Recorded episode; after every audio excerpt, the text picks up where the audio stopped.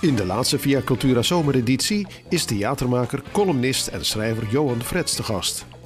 Geboren in Dordrecht en ook als kind woonachtig geweest in de wijken Krabhof en Crispijn. De muzikale bijdrage komt van zanger E. van Toen en de presentatie is in handen van Gert-Jan Kleinpaste.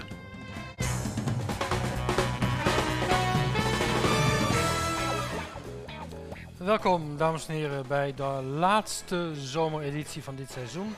Inderdaad, live te horen op Radio Papendrecht, dus luisteraars welkom. Te zien via livestream op Facebook. eh, dus het is gewoon meteen live te volgen. Het gaat daarna ook nog naar de omroepen. We gaan twee uur lang praten met Johan Frets. Goedenavond. Goedenavond. Dankjewel voor de Welkom uitnodiging. in Dordrecht vanuit het verre Amsterdam. Ja, terug op het oude nest. Ja, ja dat is eh, wel heel grappig dat je inderdaad het, het oude nest noemt. Ehm, geboren in Dordrecht. eh, Ja. 20 september in het eh, Merwede ziekenhuis. ja. Eh, dus eh, het was net ook wel best wel bijzonder om weer naar binnen te rijden. Ik ben niet al sinds mijn geboorte niet meer geweest. We zijn op mijn tiende weggegaan en ik ben hier denk ik nog een aantal, nog maar vijf keer geweest of zo daarna. Waarvan de laatste keer zes jaar geleden toen ik met mijn vriendin eh, een weekendje naar Villa Augustus ging. Hier even Ja. verderop, een prachtig hotel. Eh, maar goed, het blijft bijzonder om de stad in te rijden. Eh, zo met de trein reed ik zo binnen, waar je bent geboren, waar Ja. je eerste herinneringen hebt. eh, je eerste kennismaking met het leven en de wereld heeft plaatsgevonden. Dus ja, nou is het ook met de trein wel mooi binnenkomen volgens mij Absoluut. bij Dordrecht. Dus dat, eh, Zeker weten. dat, dat is best een mooi plaatje met die hele grote kerk daar zo pontificaal. Ja, ja dat, ik heb Ehm. hoogtevrees, maar ik weet nog dat ik erop heb gestaan ooit. Zo. Als een klein jongetje. zesjarig Ja, mannetje. Ja, Ja. Eh, wat, wat herinner jij je sowieso nog van, van Dordrecht? Je, je hebt eerst in Krabbenhof gewoond volgens mij. Ja, ik ben volgens mij, wij, wij woonden toen ik geboren werd even in Papendrecht. En toen zijn mijn ouders, mijn, vader is in zijn leven 56 keer verhuisd. Eh, en die heeft geprobeerd eh, dat eh, met ons voor te zetten, zal ik maar zeggen. Dus we, we hebben in de, is- is vliegen, de Vliegenstraat gewoond. Ik, ik weet niet welke wijk dat eigenlijk is. Mhm. Zij gingen toen naar Krabbenhof. Ik weet niet meer hoe die, hoe die straat heet. De Troelstraweg. Ah. De Troelstraweg. En toen hebben we op de Willem de Rijkerstraat gewoond. En toen hebben we nog in Oud-Crispijn... Ja, ik weet niet, die, die straat weet ik niet meer hoe die heet. Vlakbij het- dat, dat grote park met die kinderboerderij. Ja, Daar woonden wij eh, vlakbij. het park Wijzicht. Jij zegt het, ik geloof je meteen. Ja. Eh, dus, dus dat zijn de vier plekken waar ik in eh Dordt heb gewoond. Ja. En dat zijn natuurlijk ook meteen plekken die, als je zegt waar denk je aan, dan, dan denk ik aan die plekken. Ik denk aan de Don Bosco school, mijn, mijn basisschool, waar ik echt heel Mhm. warme herinneringen aan heb. Met fantastische eh, leraren die ontzettend Ja. warm en persoonlijk waren. En mij ook wel in een tamelijk moeilijke jeugd ook wel veel steun hebben gegeven. Eh, ja, ja, flarden zijn het van Ja. plekken En, waar, je, eh, waar je want- herinneringen hebt Want je, gemaakt. want je noemt dan de Don Bosco school, maar ik denk dat je basisschool of lagere school, ik weet niet hoe het toen, nog- toen nog heette, basisschool.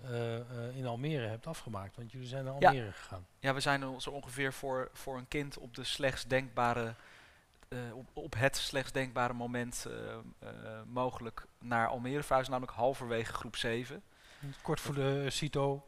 Ja, maar ook zo, zo we gingen bijna op schoolkamp Ja. en je bent zo hecht met elkaar. Je zit al, al, al zes en een half jaar met elkaar in de klas en je, Mhm. je wilt natuurlijk niet afscheid nemen van je vriendjes dan Nee. op dat moment. En ik ging naar Almere en dat is nu, nou ja, nu wonen er 200.000 mensen, maar toen woonden er 50.000 mensen en het was echt een soort, ik moest helemaal wennen überhaupt aan dat het stil was s'nachts als, ik- als we gingen slapen. Ik vond het doodeng. En zo'n nieuwe school, dat, is, dat geeft natuurlijk ook wel de nodige uitdaging. Maar ik heb het inderdaad in Almere afgemaakt. Eh, ja. Helaas. Dus eh, ja, nee, het lijkt me inderdaad eh, vervelend om je de klas waarmee je gewoon eigenlijk Ja. op pad bent gegaan, dat te moeten loslaten inderdaad. Ja, En dan, en dan zo- een, school, een schoolkamp te hebben met, met kinderen die je eigenlijk nog nauwelijks kent. precies. Ja. En, en sowieso denk ik dat het voor iedereen lastig is. Maar de Don Bosco was in die tijd een, een ik, weet, ik weet niet hoe het nu is, maar een he- echt een extreem warme plek. Met, Mm. met eh, heel veel docenten waren Brabanders. Dus heel veel mensen kwamen uit Breda en Tilburg.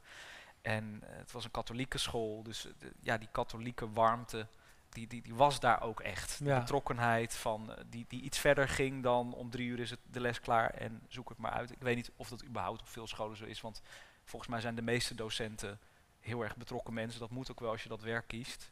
Ja, anders, Maar- dan, anders hou je dat niet vol. Nee, dan hou je het ook niet vol, Nee. maar In ieder geval, die school was daar echt, eh, echt heel... Ja, dus eh, daar heb je hele warme herinneringen absoluut, ja, ja. aan. ja, ik heb ook nog contact met, de, Hm. met een aantal van die docenten. Oké. Dus, eh, En, en eh, eh, klasgenootjes nog contact mee? Dat niet. Nee, ja, het is nu, op een gegeven moment kwam de social media natuurlijk 14 jaar geleden. En toen via die docent, Astrid Meinders heet zij, maar dat was mijn juf in meerdere klassen geweest. Zij werkt nog steeds op de Don Bosco. Mhm. En dan via die juf zie je de andere klasgenoten zoeken haar ook weer op. En zo kom je elkaar dan wel weer een beetje online tegen. Maar er heeft nooit een eh, reunie plaatsgevonden. Zouden we misschien eens moeten doen, nu we nog Ja, jong is- genoeg zijn dat we Dat, niet dat is helemaal... toch, toch, toch wel echt het summum om dan een reunie Ja, te hebben. ja, ja, en vooral voordat we echt oud zijn, dat je echt denkt, oeh, dat is niet echt goed afgelopen met die. Terwijl nu kunnen we nog, nog een soort van in de bloei van ons leven elkaar eh, tegenkomen opnieuw. Ja, ja, en eh, de verhalen uitwisselen. ehm. ja, oké. En eh, ehm, Almere, daar ben je dan vanaf je tiende terechtgekomen. In een stad in opbouw, inderdaad. Heel erg. eh, nou, dat is gewoon ongelooflijk hard gegroeid. Eh, hoe is het om eh, te puberen in Almere? Ja, ik ben altijd wel heel positief daarover geweest. Maar dat heeft ook ermee te maken dat ik denk, ik had hier een heel roerige jeugd en daar werd het allemaal wat rustiger. Dus dat was voor mij persoonlijk Mhm. gewoon een, een fijnere periode.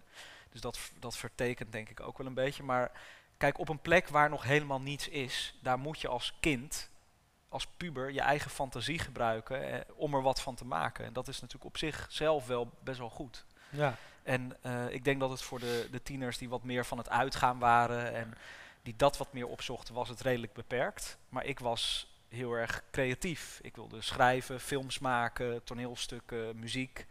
En daar was in Almere heel veel gelegenheid voor. Zo op de scholen waar ik zat, maar ook vanuit de gemeente werd dat heel erg gestimuleerd. Kon je, zelf als je een project had, kon je dat gewoon opzetten en dan Mhm. steunden ze dat. En ja.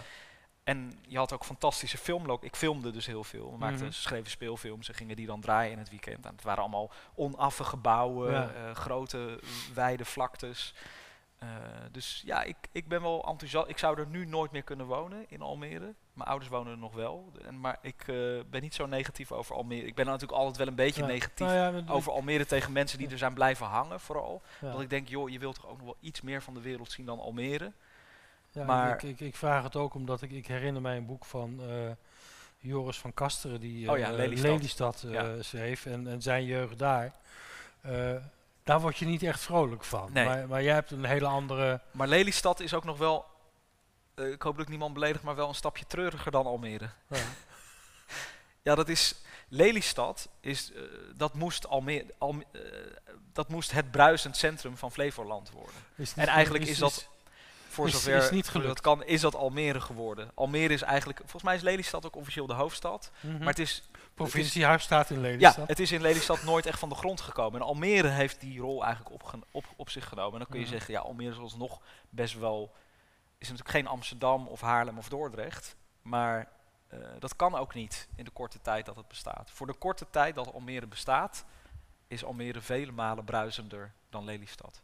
ja. En eh, is het ook een mooie, eh, in die zin wel een utopische stad. Ik, ik vind het architectonisch sowieso aangenamer dan Lelystad. Maar ehm, Wat als je het? architectonisch. Zeker. Bedoel, eh, Nee, je hebt ook gedrochten staan, maar er, er- was ook een, soort- er was alles mogelijk. Hè. Je mocht van alles bouwen, Mhm. zelf bedenken, je eigen huizen. Ja. En dat zie je in Almere, dat sommige dingen zijn echt prachtig. En er- er gebeurt ook nog steeds heel veel. Er worden nu hele zelfvoorzienende wijken gebouwd, hè, om mee te gaan eigenlijk in het duurzame. Eh, en dat, ja, dat, dat pioniersachtige, dat zit wel in Almere. Dat is wel heel charmant. En, eh, ik, ik herinner mij ehm, een speech van jou, die hoorde volgens mij bij ehm Freds 2025. eh, Mijn de, debuutroman. Je, je, je ja. debuutroman. Eh, daar, daar ben je ook ehm, volgens mij heel enthousiast als je die leegte van Almere beschrijft. Nou ja, het, is, het heeft natuurlijk dus een sterke meta metafoor. Eh, en het was in dat boek wel een beetje eh, natuurlijk een knipoog naar de Amerikaanse eh campagne-speeches van Mhm. politici, die altijd, zeg maar, hè, Bill Clinton had, I, I came from a, die is geboren in een dorpje wat Hope heet. I'm a boy that came from Hope. Nou ja, ik was dan een jongen die uit Almere komt. dat is iets minder Ja. spetterend. Maar ik, ik boog dat een beetje om naar op een plek, volgens mij zit dat er letterlijk in, op een plek waar geen fantasie is, word je gedwongen je eigen verbeelding te gebruiken. Volgens mij zei ik dat net ook al in een iets andere bewoording. En dat is natuurlijk zo.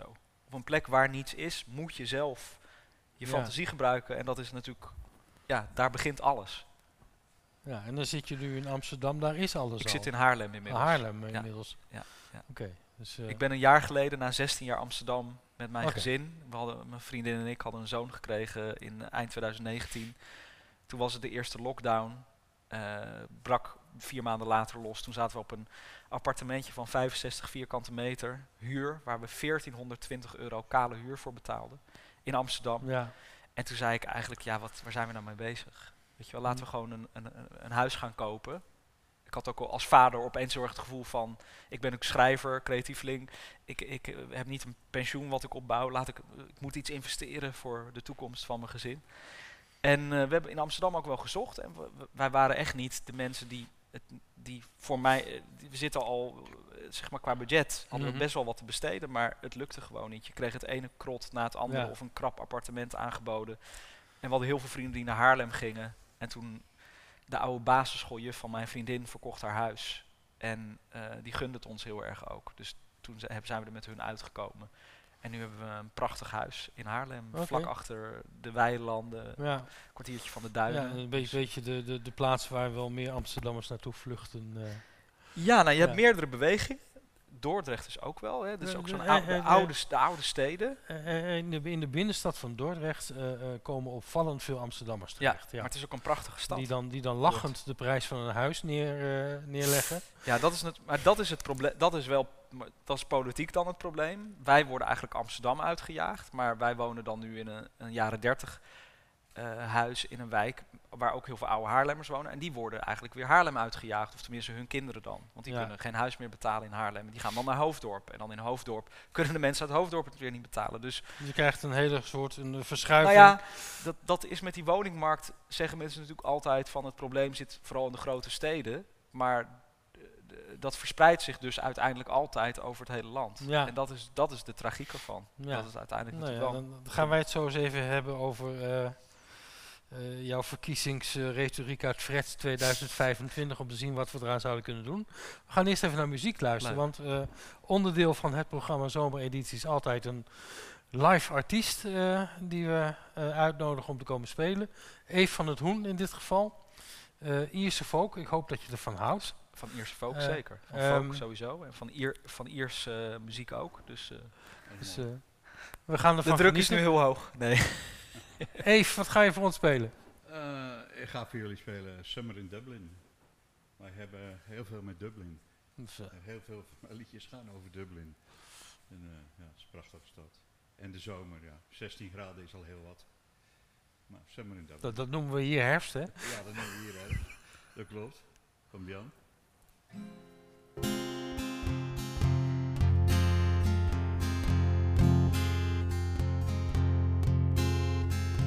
Take me away from the city. Lead me where I can be on my own. I wanted to see you, but now that I have, I just want to be left alone. I'll always remember your kind words,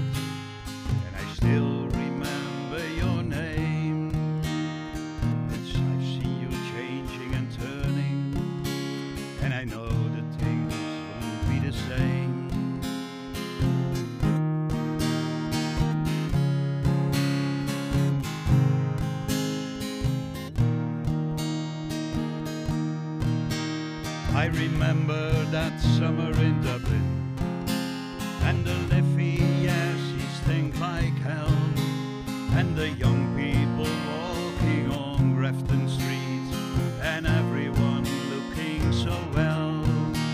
I was singing a song I heard somewhere called Rock and Roll Never Forgets. When my humming was put by a 46A and a scream of a low flying jet. So I jump on a bus to Dunleary, stopping off to pick up my guitar. When a drunk in the bus told me how to get rich, I was glad we weren't going too far.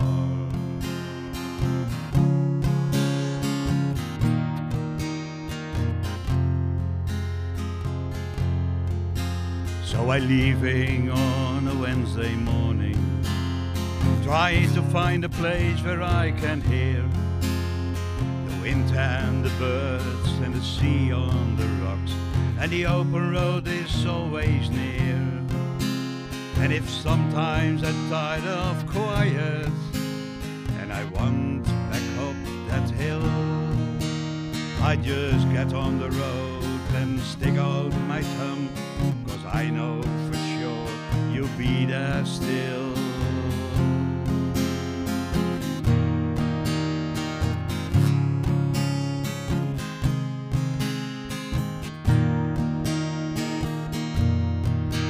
I remember that summer in Dublin and the Liffey as it stank like hell and the young people walking on Grafton Street and everyone looking so well.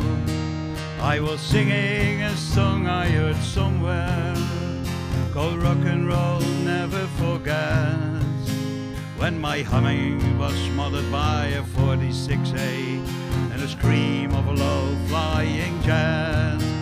So I jump on a bus to Dunleary, stopping off to pick up my guitar.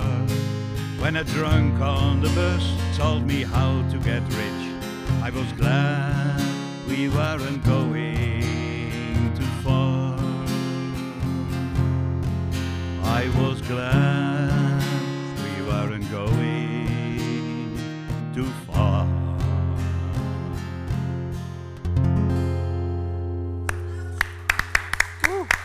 Dankjewel. Dankjewel, Eve van het Hoen. Prachtig. Mooi nummer. Dankjewel. Ik ben benieuwd wat je nog meer voor ons in petto hebt, maar dat zullen we straks wel, zullen we straks wel ontdekken. Ehm, ja, dan toch maar even naar eh Freds 2025. Al is het maar omdat 2025 akelig dichtbij komt. Ehm 2012, debuutroman. Eh ik heb in die tijd heel erg verbaasd zitten kijken van is het nou het hulpmiddel voor theater of, of eh, is het, ging, ging het echt om, ook wel om de roman? Ik was heel erg aan het zoeken van wat is nou de boodschap die je kwijt wou? eh? Nou ja, eh, ik, ik denk dat, het, dat dat op zichzelf niet heel veel meer was dan... Ik had een speech gegeven op het Malieveld ten tijde cultuur. van over cultuur toen Rutte 1 aantrad. Dat was een beetje een bescheiden hitje geworden binnen politieke en culturele kringen. En heel, heel veel mensen vroegen toen, wil je niet de politiek in? Eh, ik, ik, eh, ik heb die speech teruggekeken die, die je daar hield en eh, ze riepen ook in het publiek eh Freds voor president. Oh, echt? Dus- Oké. oh. nou ja, dat, die vraag kwam steeds. En ik kwam toen net van de toneelschool in Kleinkunst. En ik wilde, wilde toen nog graag eh, in de traditie van Nederlands Hoop... met eh, Marcel Hartenveld, met wie ik toen een, eh, een duo vormde... eh, cabaretvoorstellingen maken. Die Mhm. dan wel politiek waren, maar niet zelf de politiek in. Alleen ik vond het wel... Die vraag kwam zoveel terug...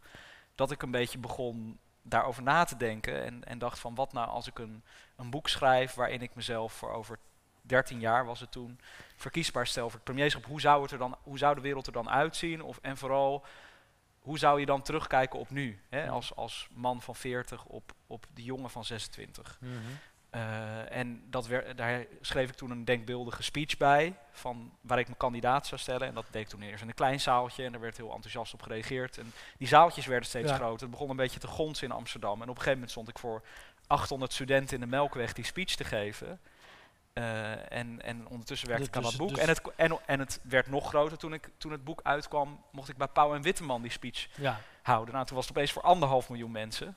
Ja, dat en- heb ik ook nog even teruggekeken. Dus, eh, ja, en, en dat, dat, is, dat is wel een heel rare tijd geweest. Want dat is ook wat, een beetje wat in media natuurlijk gebeurt. Dan wordt het opeens via tv wordt het een hype, heel even. En dan stond ik op alle covers van de kranten en, en in alle talkshows zat ik regelmatig. Maar dan is al heel snel natuurlijk de, de gelaagdheid, en wat het, waar het voor mij over ging was, een jonge man zegt eigenlijk, waar zijn de verhalenvertellers in de politiek? Waar is de verbeelding? Komen we Mhm. dan eigenlijk weer op terug. Waar, wanneer komt de verbeelding weer aan de macht? Zoals in de jaren 60, 70 Ja. werd gezegd. En eh, daar zat heel veel drang achter. Niet nog zo heel veel politieke ideeën misschien, maar dat was het idee. Terwijl je al snel binnen die mediacontext is het natuurlijk van, oh ja, jij denkt zeker dat je minister-president kan worden, wat een idioot. En wat ga je dan doen aan de economie en wat ga je dan doen aan het onderwijs? Dus eh, die, die, ja, ik wist dat niet. Ik was 5, 26, ik was Mhm. jong, ik dacht ik word gevraagd voor die talkshows. Ik- natuurlijk ga je daar naartoe, weet je wel, het is leuk. Eh, en ook inderdaad wat jij zegt, mensen die dan ook denken van, je doet dit alleen maar om kaartjes of boeken te verkopen. Terwijl, ja, dat lijkt me niet echt iets wat je volhoudt om kaartjes en boeken te verkopen. Ik snap de gedachte ook wel hoor, Mhm. dat, dat je het opportunisme kan vermoeden. Maar ik kijk er vooral op terug als een knotsgekke periode waarin ik eigenlijk een heel klein idee Ja. eh uitwerkte als gedachte-experiment in een boek en een voorstelling. En dat ging een beetje met mij aan de haal. Dat werd een hype. Mensen namen het super serieus, wat ik ook wel heel Nou ja, ze namen het vooral op televisie inderdaad super serieus. Ja, maar ja, dus ook Dus, televisie is, komt allemaal ja. huiskamers binnen. En, en eh, ik werd echt op straat van eh, mijn stem heb je tot aan eh, eh, wie denk je wel dat je bent, lul. eh, mhm. Dus het is eigenlijk een soort Truman Show-achtig eh, verhaal. Ja. maar heel geestig ook. En wat ik nog geestiger vind, is dat het nu bijna 2025 is. En dat ik me vooral realiseer dat in dat boek praat ik een beetje over de jongen van 26 die dan naar 2025 kijkt. En de man van in 2025 die terugkijkt. En in mijn gedachten was die, die man van 40 een heel oude man. Zo van 40, dan, ja. dan was de jeugd heel lang geleden en dan was het leven praktisch al bijna voorbij. Zo, zo nostalgisch is die man. Terwijl ik ben nu, ik word 36 deze, deze maand en ik heb zoiets van, Mhm. dat voelt echt nog als gisteren, 26. Het is twee zuchten, drie keer vallen en eh, de 40 is in zicht. Dus Ja. Eh, Nou zo ja, oud is dat nog niet. Je hoort ook altijd van het leven begint bij 40, dus eh, Ja? dat valt dik mee. Ja, dat schuift ook mee, kan ik je inmiddels vertellen. Daarna zeggen ze het leven begint bij 50 Oké. en daarna bij 60. Dus het, het komt allemaal vanzelf goed. Gelukkig, eh, gelukkig. Nou, ik, ja. ik, ik ben heel blij met hoe, hoe oud ik nu ben. Maar het is Mm. meer zo grappig dat je dus als jongen van 25 denkt dat dat, dat heel ver weg ligt. ja. En dat op een gegeven moment ligt geen enkele leeftijd meer ver weg. Omdat je gewoon, ja, je bent gewoon, we hebben hier allemaal verschillende leeftijden, maar het maakt mij eigenlijk steeds minder uit hoe oud mensen zijn. Je bent, je bent hier gewoon ja. en eh, je maakt er wat van.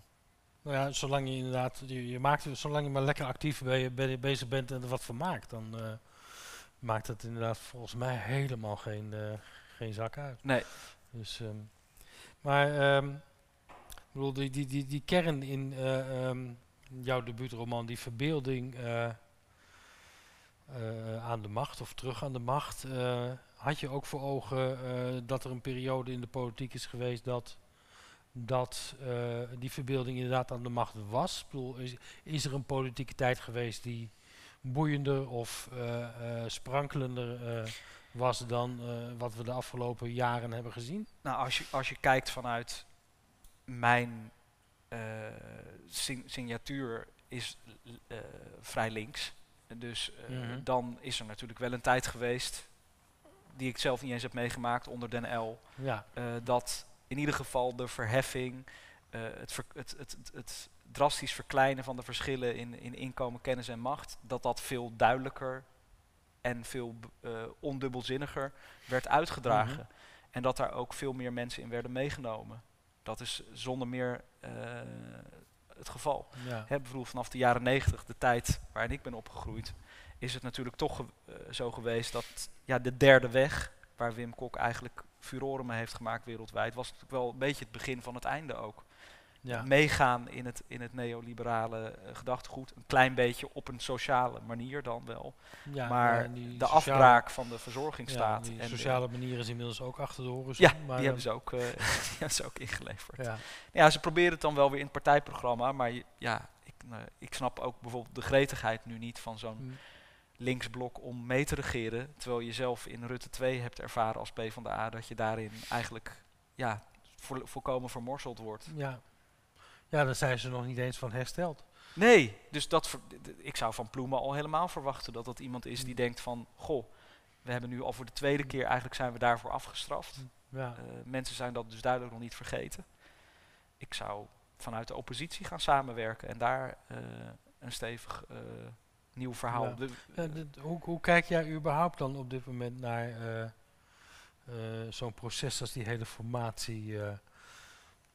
Ik bedoel, je bent ook columnist, dus Ja. het, het- voor een deel moet het smullen zijn. Maar Nou ja, het is, het is wel echt een klucht, natuurlijk. Het is absoluut een klucht. Ik bedoel, eh, wat je heel duidelijk ziet, en dat, d- het, het enige wat, ik, wat je er wel bij moet zeggen is, de, je kunt natuurlijk heel makkelijk de politiek daar de schuld van geven, maar wij zijn er zelf ook debet aan, want zij zijn nu duidelijk allemaal heel erg bang voor beeldvorming. Ja. Hè? Dus, de, V- dus die willen, de CDA en VVD willen niet met twee linkse partijen, eh, D66 wil niet met de ChristenUnie, die wil ook niet vermorseld worden. Dus dat is natuurlijk ook omdat we in een tijdperk leven waarin mensen voortdurend je afstraffen als een soort. eh, we zijn eigenlijk meer consumenten geworden van politieke partijen. En als Mhm.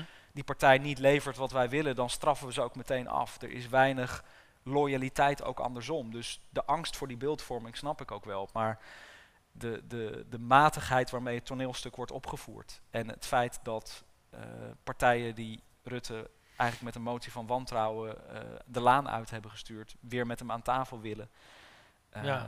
dat, dat, ja, dat, en dat de VVD en het CDA er doen alsof ze er nu pas achter komen dat ze niet met GroenLinks en de PvdA willen na een half jaar. Kijk, het is schand, ik vind het vooral schandalig dat je duidelijk merkt dat het demissionaire kabinet in principe ook wel vier jaar zou willen doorregeren op ja, deze manier. eh, eigenlijk zit Rutte vier er al. Ja, die heeft zoiets van, eh, het gaat wel prima zo. Weet je Ja. wel, we zijn al weg, dus we, we kunnen in principe doorgaan. Dat is een beetje een uh, Ja. Cruyffiaanse paradox, maar dat is Ja. wel hoe het Ja, hij heeft zich geloof ik ook een keer laten doorschemeren in de Tweede Kamer. Ja. Van, eigenlijk heb ik meer Eigenlijk hebben we nu, ja, hij zei dat niet, niet als een kwade genius. Hij zei van, het, het, de paradox is een beetje dat we, omdat we al zijn opgestapt, nu eigenlijk meer macht hebben, omdat jullie ons niet meer kunnen wegsturen. Ja. Maar dat is ook Wat, wat, tamelijk schokkend. wat overigens per saldo nog steeds wel zou kunnen. Maar, Ja, eh, ja, maar dat gebeurt niet. maar dat zal wel niet gebeuren. Zullen we eens kijken of eh Eve nog weer een nummer voor ons wil gaan Leuk. zingen? Nou, dat wil hij wel, hè? Ja, dat wil je wel, Eve. Oh, ja, dat wil hij Eh, wat gaan we doen? eh? Ik ga het eh Spencer Hill doen. En Spencer Hill, dat is mijn laatste single. Eh, dat gaat over een, eh, de oudste paardenmarkt van eh Ierland. Spencer Hill is een klein dorpje aan de westkust. En daar hielden de tinkers hun paardenmarkten altijd. En er werden paardenraces gedaan met van die mooie grote tinkerpaarden. En er werden heel veel paarden verhandeld op zo'n dag. Dus het was ook een soort jaarmarkt. Spencer Hill.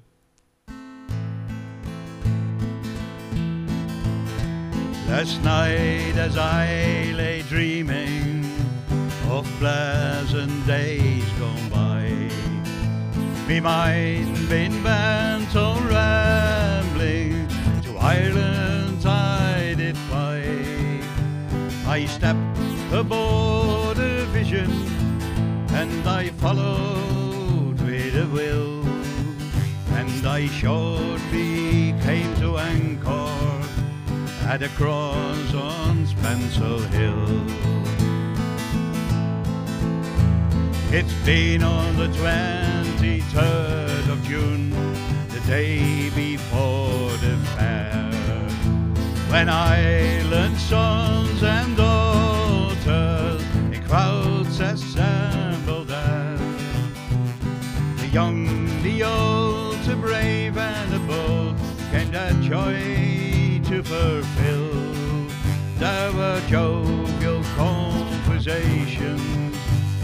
a fair at Spencer Hill.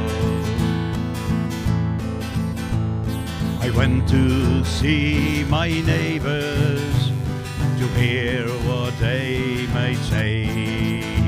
The old ones were all dead and gone, the young ones turning grey. I met with Taylor quickly, he as bold as ever still.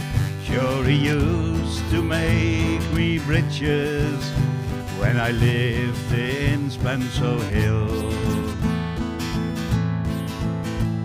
I paid a flying visit to my first and only love. She's as white as any lily and as gentle as a dove. She threw her arms around me, saying, Johnny, I love you still. Oh, she's now the farmer's daughter at the flower of Spansel Hill. I dreamed I held and kissed her as in the days of yore. She said, Johnny, you're only joking, like many the times before.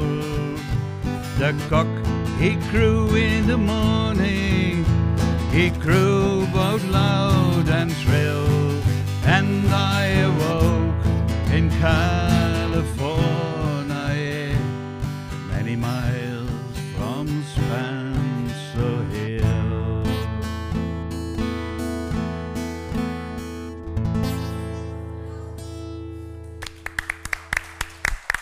Dankjewel. Dankjewel, Eve. Eh Eve, eh, heb jij coronapauzes of ben jij voor de publiek overal te zien op dit moment? Ja, het is heel vreemd. Er was gisteren was er nog iemand bij mij. Hij zit daar toevallig. Die zegt: Hoe kan het nou dat jij gewoon constant optredens hebt en anderen hier in Dordt, want er zijn heel veel muzikanten in Dordt, Ja, hè? Die hebben geen optredens. Hoe zit dat? Ik zei: ik, Het ligt misschien een beetje aan de muziek. Dat, dat ik andere muziek maak als blues, jazz, noem maar op. En die festivals, kleine festivals, die gaan meestal wel door. Ja, natuurlijk. Ja. Ja. En, en daar speel ik veel. Op kleine festivals, maar ook in de Ierse pubs en zo. En, maar we hebben alweer een behoorlijke waslijst aan optredens staan. Nu Ja, weer. Mooi dus zo. coronapauze, ja, het eerste jaar. Maar daarna Ja, toen het echt niet. allemaal op slot was. Toen, Toen was alles op slot. Ja. Maar Ja. nu valt het wel mee. gelukkig maar. Ja. Ja, en het optreden in de pub kan, Ja, ook, alweer, kan ook alweer gewoon. Ierse eh, pub, hè. Dat is het mooiste wat er is. ja. Die, mensen, die mensen kennen de liedjes. Goed glas Guinness erbij. De, eh, goed glas Guinness of Irish Red. Dat gaat ook wel Murphy's. Ja. Dat is ook goed te doen. ja. En, en, Ja. en, en als eh, eh, wij als Dordtenaren jou nog weer een keer willen zien, eh, ga je in Dordrecht nog een keer binnenkort optreden? Of, Nou, in Dort heb ik op dit moment even helemaal niks. Ik zit wel op festivals in, in Zoetermeer over 14 dagen. En waar nog meer? In Rijswijk. Een, een, een soort van fantasyfest. Mhm. En Arken, Argen, hoe noem je dat daar in Limburg? Ja. Castlefest, elf jaar. Eh, dat soort festivals spelen we. Beetje, beetje de, de, de fantasy scene. Ja, ja. En dan zijn wij dus uitgedost als eh, Vikings. Ik ben Ja. een Viking en dan onze mooie grote tent. En eh, met, helemaal vol met, met schapenhuiden en andere dingen. Dat is echt een, eh, dat is echt Ja. een, een, een kijk waard, zoiets. Nou ja, dan moeten we, Helemaal eh, opgetuigd alles. dan moeten we vanuit Dordt toch maar op reis om jou ergens anders te gaan. Ja, eh, op dit moment wel. ja. Ja, Nou ja, in ieder geval succes met alles wat je gaat doen. We horen je straks weer met het eh, nou derde liedje. Goed. Ja, eh, het onderwerp corona kwam al even langs. Ik eh, eh, heb een paar columns van jou gelezen voordat je met zomerreces ging. Ja. Waarbij je ook wat druk maakte over ehm, alles wat er om corona gebeurde. Raakt natuurlijk ook de cultuur heftig. Ja. Wat, wat, wat, wat stoorde jou toen je er in juli over schreef, een paar keer? eh, wat, wat stoorde je nou, nou het meest in eh, de hele aanpak of in het coronabeleid? Nou, wat, wat me er het meest aan stoort, is denk ik de, het feit dat het dusdanig een gepolariseerde discussie is dat je ofwel eh, dat het lijkt alsof er maar twee smaken zijn, ofwel mensen die zichzelf volledig misplaatst en, en walgelijk wat mij betreft ver- vergelijken met, eh met holocaust slachtoffers, Mhm. met gele sterren, met ongevaccineerden op en wie wordt de volgende Anne Frank. Dat en eh, mensen aan de andere kant die gedwee zeg maar het beleid volgen en helemaal geen enkele vorm van kritiek Ja. daarop hebben. Terwijl ik denk dat daar politiek ook wel het een en ander is misgegaan de afgelopen anderhalf jaar. Dat je ook ziet dat de oppositiepartijen, wat ze eigenlijk behoren te doen, is dat beleid kritisch bevragen. En eh, corona eh, is een risico voor de volksgezondheid. Mhm. En dat ook vooral, vooral geweest. Ja. Hè, nu de vaccinatiecampagne dusdanig op stoom is, wordt dat wel steeds minder. Eh, maar er zijn ook andere vormen van welzijn. Hè, bijvoorbeeld heel veel jonge mensen eh, die eh, in een studentenkamertje zaten van 10 vierkante meter, opgesloten zaten, veel depressies, angststoornissen, niet kunnen bewegen, niet kunnen ademen, geen zuurstof voor de ziel ook vooral. En ik denk dat daar sowieso in onze samenleving heel weinig oog voor is. Überhaupt voor de dingen die niet meetbaar zijn, maar die wel van heel grote waarde zijn. Ja. Ook voor je gezondheid, voor je welzijn.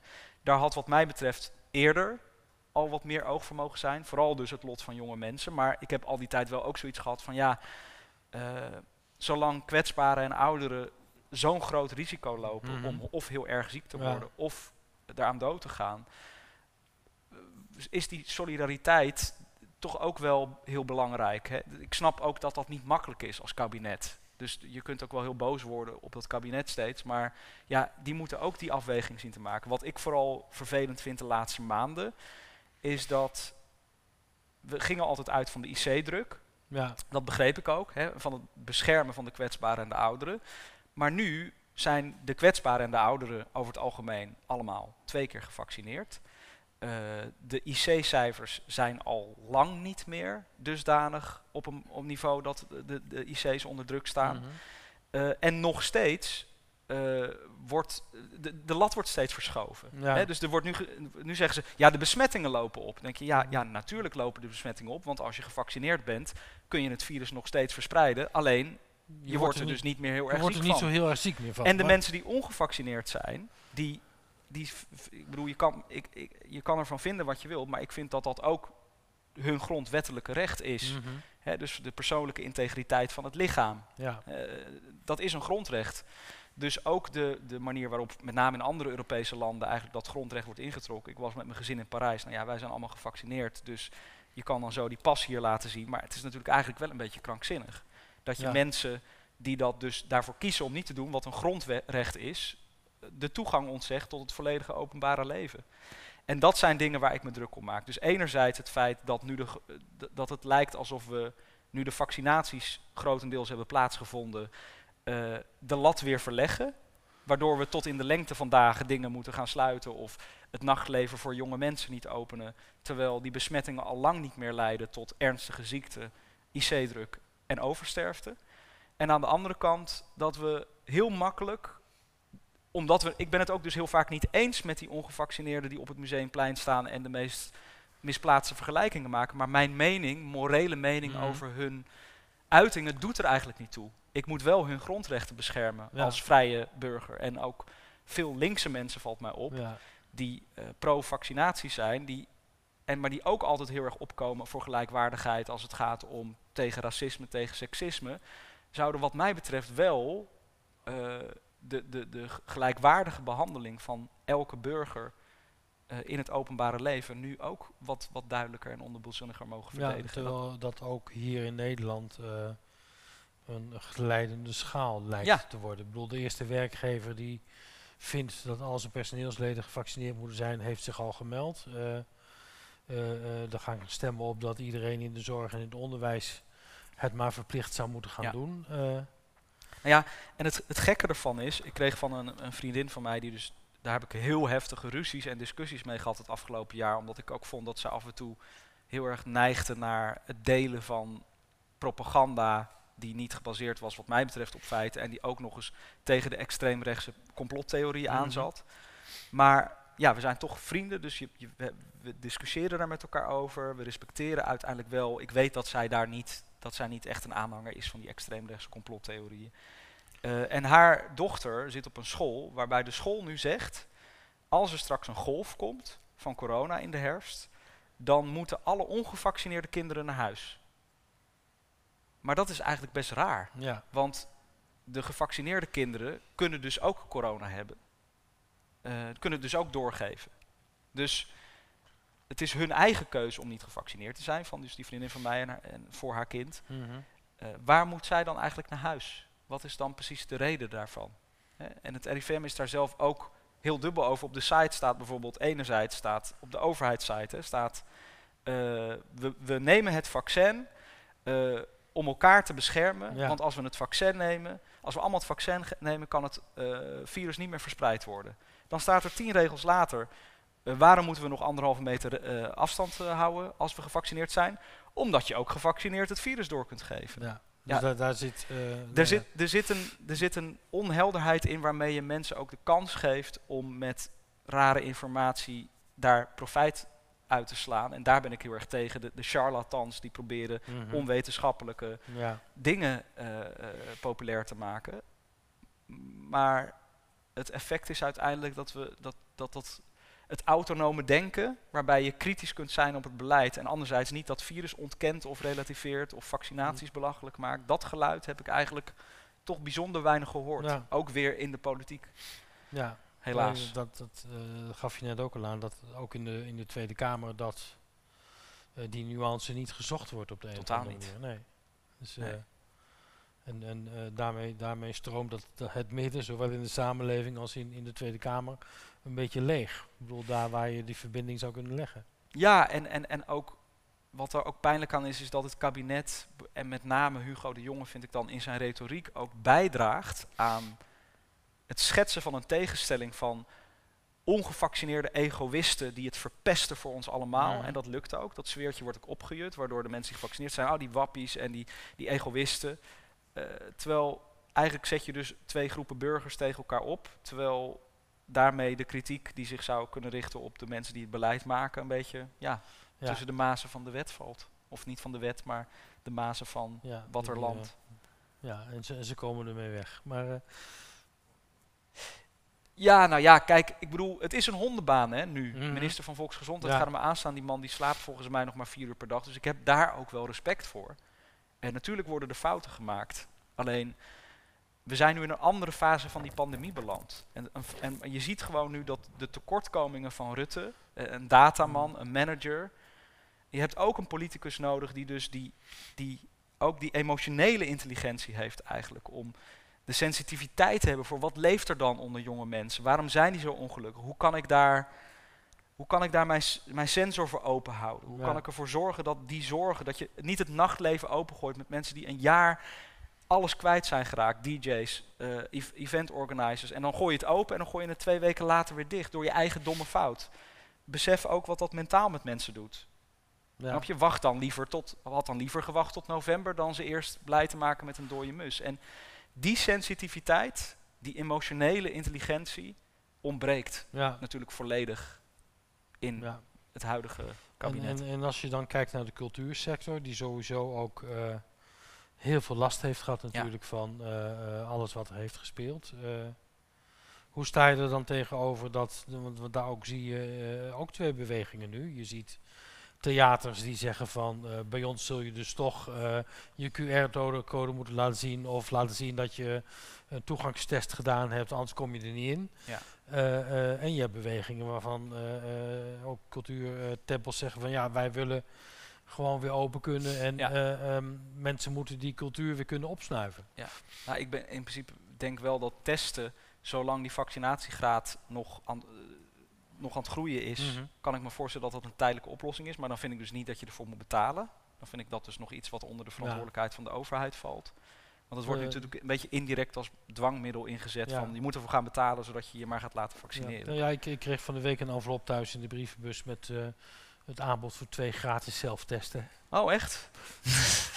Vroeger kreeg je, eh, kreeg je gratis chips of gratis Ja. eh, blikjes cola. En nu krijg je een gratis eh, zelftest aangeboden. Ja. Ja. Dat is, het, dat is evolutie, denk ik. Ja, maar nee, je, je moet er dan inderdaad niet, niet, zou er niet voor moeten betalen inderdaad. Nee, maar kijk, ik snap de we zit, het Ja. is, Er is niet een helder antwoord op. Alleen het, het antwoord kan volgens mij nooit zijn dat je mensen volledig uitsluit van het openbare leven. En dat, dat is dus. Ja. Je kan mensen toch niet dwingen. Ja, dat is, dat is gewoon gelukkig ook maar. Ja. Maar dat is wel een beetje de kern van. eh, Nou ja, in, in ieder geval zijn de hogescholen en de universiteiten, voor zover ik weet, wel weer open en wel weer begonnen. Ja. Dus dat, dat is winst. Ja. De studenten mogen hun zolderkamertje weer af. maar gaan die dan dus dat protocol ook hanteren dat als, je, als er dus een uitbraak is, dat dan alleen de ongevaccineerden naar huis moeten? Het, eh, het lijkt mij een dubi- dubieuze en een hele moeilijke keuze eh, Ja. in ieder geval. We gaan weer even naar Eve. Leuk. Een liedje over eh, drie dronken meisjes. Drie dronken meisjes. De drie drunken maidens. Zijn ze gevaccineerd of ongevaccineerd? Ja, dat speelde in die tijd nog niet. nee, precies. Murphy's is ook een soort vaccin. Dat is ook een soort van, ja. Ja, Guinness is good for you.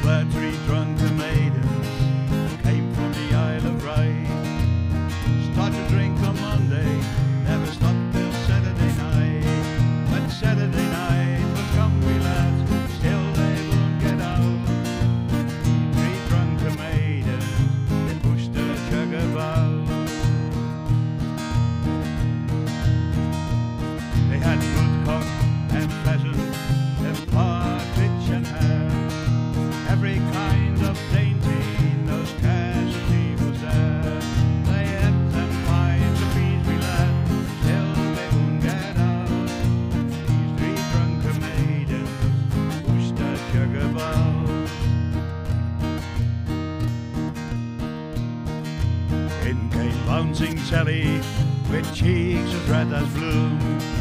Move up your jolly sisters now and give young Sally some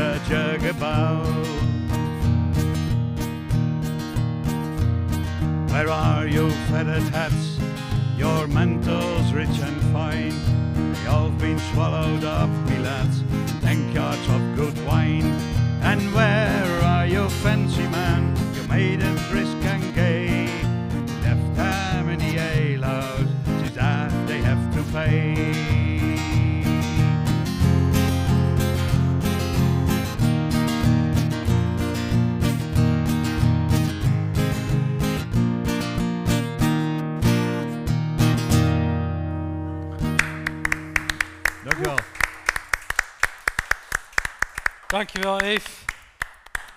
En eh, voor jou ja, tot in de tweede uur maar weer. eh, dan gaan we weer verder. Ehm, Johan, ik, eh, terwijl ik met de voorbereiding bezig was voor dit gesprek, kwam ik ook op de website van de VPRO terecht.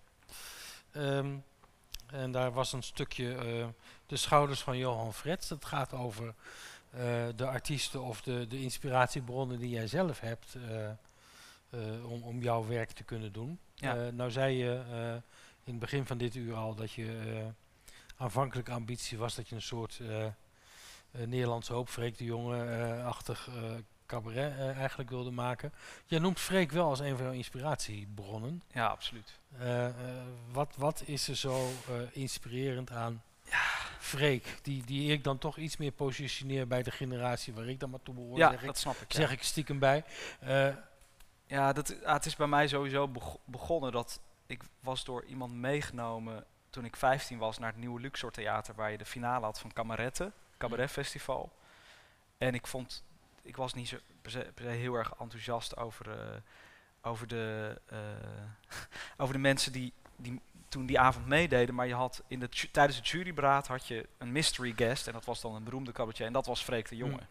En het was net na 11 september, weet ik nog, 2001. Ja, En hij had een show, Het Laatste Oordeel. En dat ging heel erg over politiek. En hij maakte grappen en hij vertelde verhalen. En toen dacht ik, oh ja, dat kan ook. Want ik, ik, ik wilde acteur worden, Mhm. maar ik had me nooit gerealiseerd dat je ook met je eigen teksten en reflecterend op de, op de tijd en de samenleving ook iets kunt doen. En dat vond ik zo magisch. En het laatste wat hij deed was een gedicht van hem, Wees niet bang. En dat gedicht is eigenlijk voor mij, ja, dat is echt een gedicht wat, wat ik bij me draag. En wat me ook wel eh, hoop geeft in eh Nederlands hoop in bange dagen, zal ik, eh, zal ik maar zeggen. Ja. Het is een prachtig gedicht. Misschien moet ik het eigenlijk even voorlezen. Ja, nee, als je hem... Ik, ik, als hij ergens online te vinden is, Freek de Jonge kennende wel. Want die, zet, die plaatst alles online. Wees ja, niet die, bang. die heeft wel die, die stap gezet naar de Freek. digitale wereld, ja. Freek de Jonge.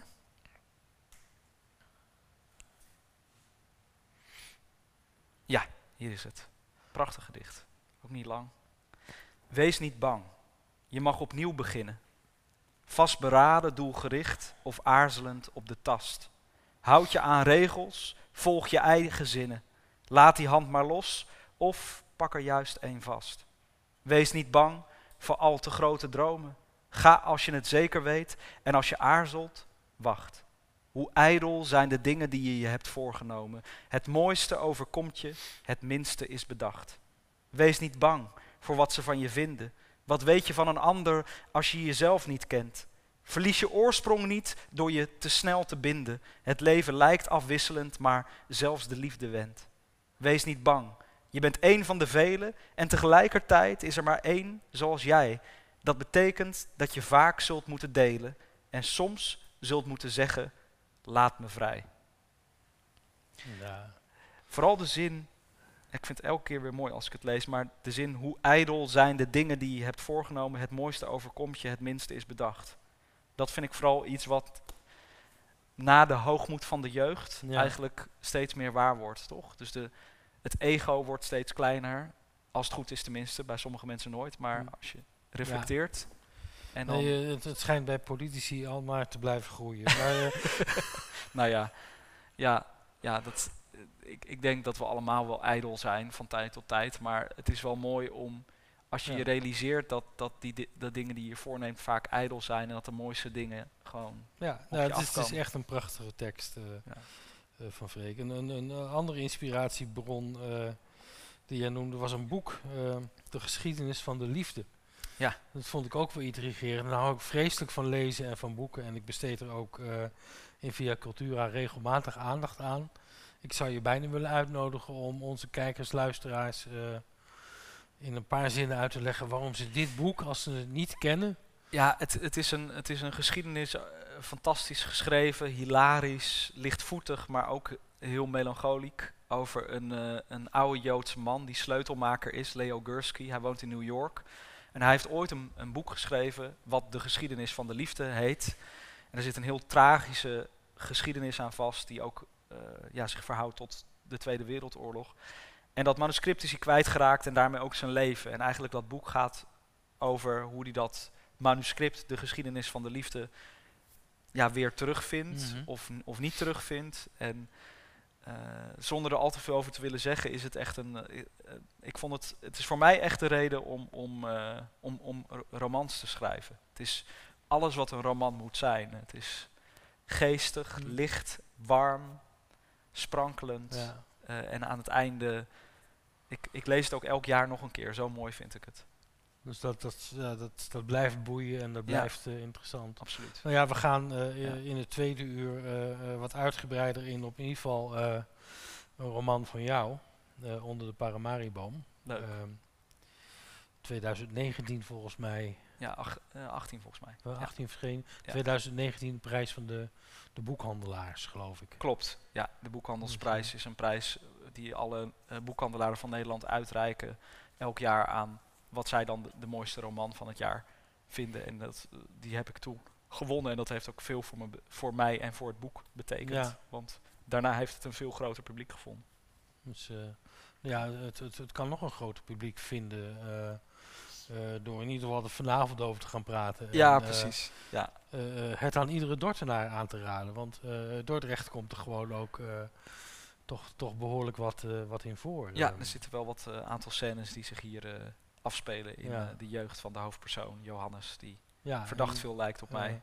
En, en eh, eh, ja, eh, ik geloof wel dat, je- dat je dat kunt zeggen. Je zei al dat het toch een wat, wat, wat roerige kindertijd geweest is. Dat, dat blijkt ook wel uit het, uit het boek. Ja. wat, he- wat heeft nou gemaakt dat die, die stap naar Almere, die je dan als gezin hebt gemaakt, zoveel rust bracht? Kun je daar wat over zeggen? Nou ja, eh, daarmee ver- ver- verklap ik misschien al wel een beetje eh, wat, wat van het boek. Eh, kunnen jullie mij goed verstaan trouwens? Oh, oh gelukkig. Ehm, nee, ja, het, het boek gaat eigenlijk over een jongen die voor het eerst in Suriname komt. Ja, mijn moeder is Surinaams, mijn vader is Nederlands. Eigenlijk Duits. Hagenees. Haagse Duits, Duitse Hagenees. Ehm, maar mijn moeder was in, in mijn jeugd, heeft psychoses gehad, was mentaal niet altijd beschikbaar. Mhm. Mijn ouders zijn twee jaar uit elkaar geweest. Mijn vader was een alcoholist. Ik zeg wel eens voor de grap, ik heb, ik heb eh, in mijn jeugd meer meegemaakt dan eh, de GTST-personages Jeff en Laura Alberts in, eh, in een half seizoen. Het is een soort... Aan, ja, als kind vind je dat niet eens zo gek, want als kind is alles normaal wat je Mhm. meemaakt. Ja, Maar het was natuurlijk niet het. Ze waren heel, ook heel liefdevol en wijs. En, en, maar het was niet de stabiele, veilige basis die je, je als kind wenst. En dat heeft er gewoon wel ja, ingehakt. En dat zit natuurlijk wel heel erg verknocht ook aan Dort. Voor Mhm, mij, ja. althans. En toen we naar Almere gingen, was mijn moeder al, inmiddels alweer veel beter aan toe. En nou ja, mijn vader had nog wel dat drankprobleem. Maar op de een of andere manier associeer ik de tijd in Almere wel met meer stabiliteit. ja dus dat, Ehm, ik ben er zelf ook wat meer tot bloei gekomen, denk ik. Dus dan, ja, dat, dat Ja. is dan de associatie. dus, dus Het heeft niet zoveel met de plek te maken. Ja. Had ook in door, het had ook andersom kunnen zijn. Als die eerste tien jaar zich in Almere hadden afgespeeld Ja, en ik daarna naar eh, Dort was gegaan, dan was ik waarschijnlijk, eh, had ik dat gevoel meer bij Dort gehad. ja, dus eh, het heeft gewoon met de, de, de fase eh, eh, en het welbevinden van dat gezin op dat moment te maken. voor Ja, dat denk ik wel. En, eh, Hoofdzakelijk. en als, ik hoor een muziekje, we moeten er even uit voor het nieuws. Ja, heel Dus belangrijk. eh, we praten straks Dat is verder. goed, tot zo.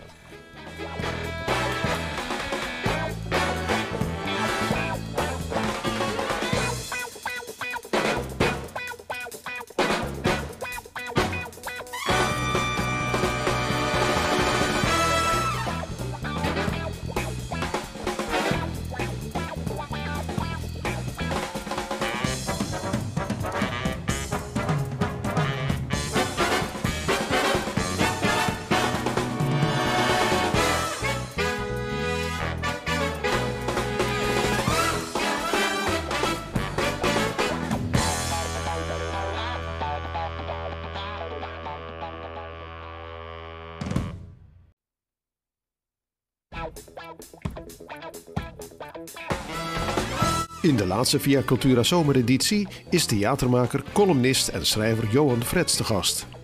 Geboren in Dordrecht en ook als kind woonachtig geweest in de wijken Krabhof en Crispijn. De muzikale bijdrage komt van zanger E. van Toen en de presentatie is in handen van Gert-Jan Kleinpaste.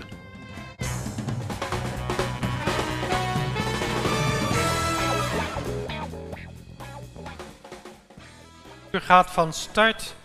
Eh, welkom terug naar het journaal, het weerbericht en de berichten tussendoor die dan bij RTV Papendrecht te luisteren zijn. Eh, ze beginnen inmiddels in Zwijndrecht met het begin van de uitzending. Ah, leuk. Wij beginnen met Welkom, het tweede welkom, uur. Welkom Zwijndrecht. Ja, ja ze, die, die eh, zenden het van 9 tot 11 uit. Een tijdsverschil hè, tussen Ja, Dordrecht is en, een en enorm Zwijndrecht. tijdsverschil eh, veroorzaakt door de oude Maas die daartussen ligt. Schapenkoppen zijn altijd eerder. Dus ehm, eh, ik, ik wou het tweede uur in ieder geval eh, aandacht besteden aan eh, dit boek voor de kijkers, luisteraars, vooral de kijkers onder de Paramariboom. eh 2018 uitgekomen. Klopt.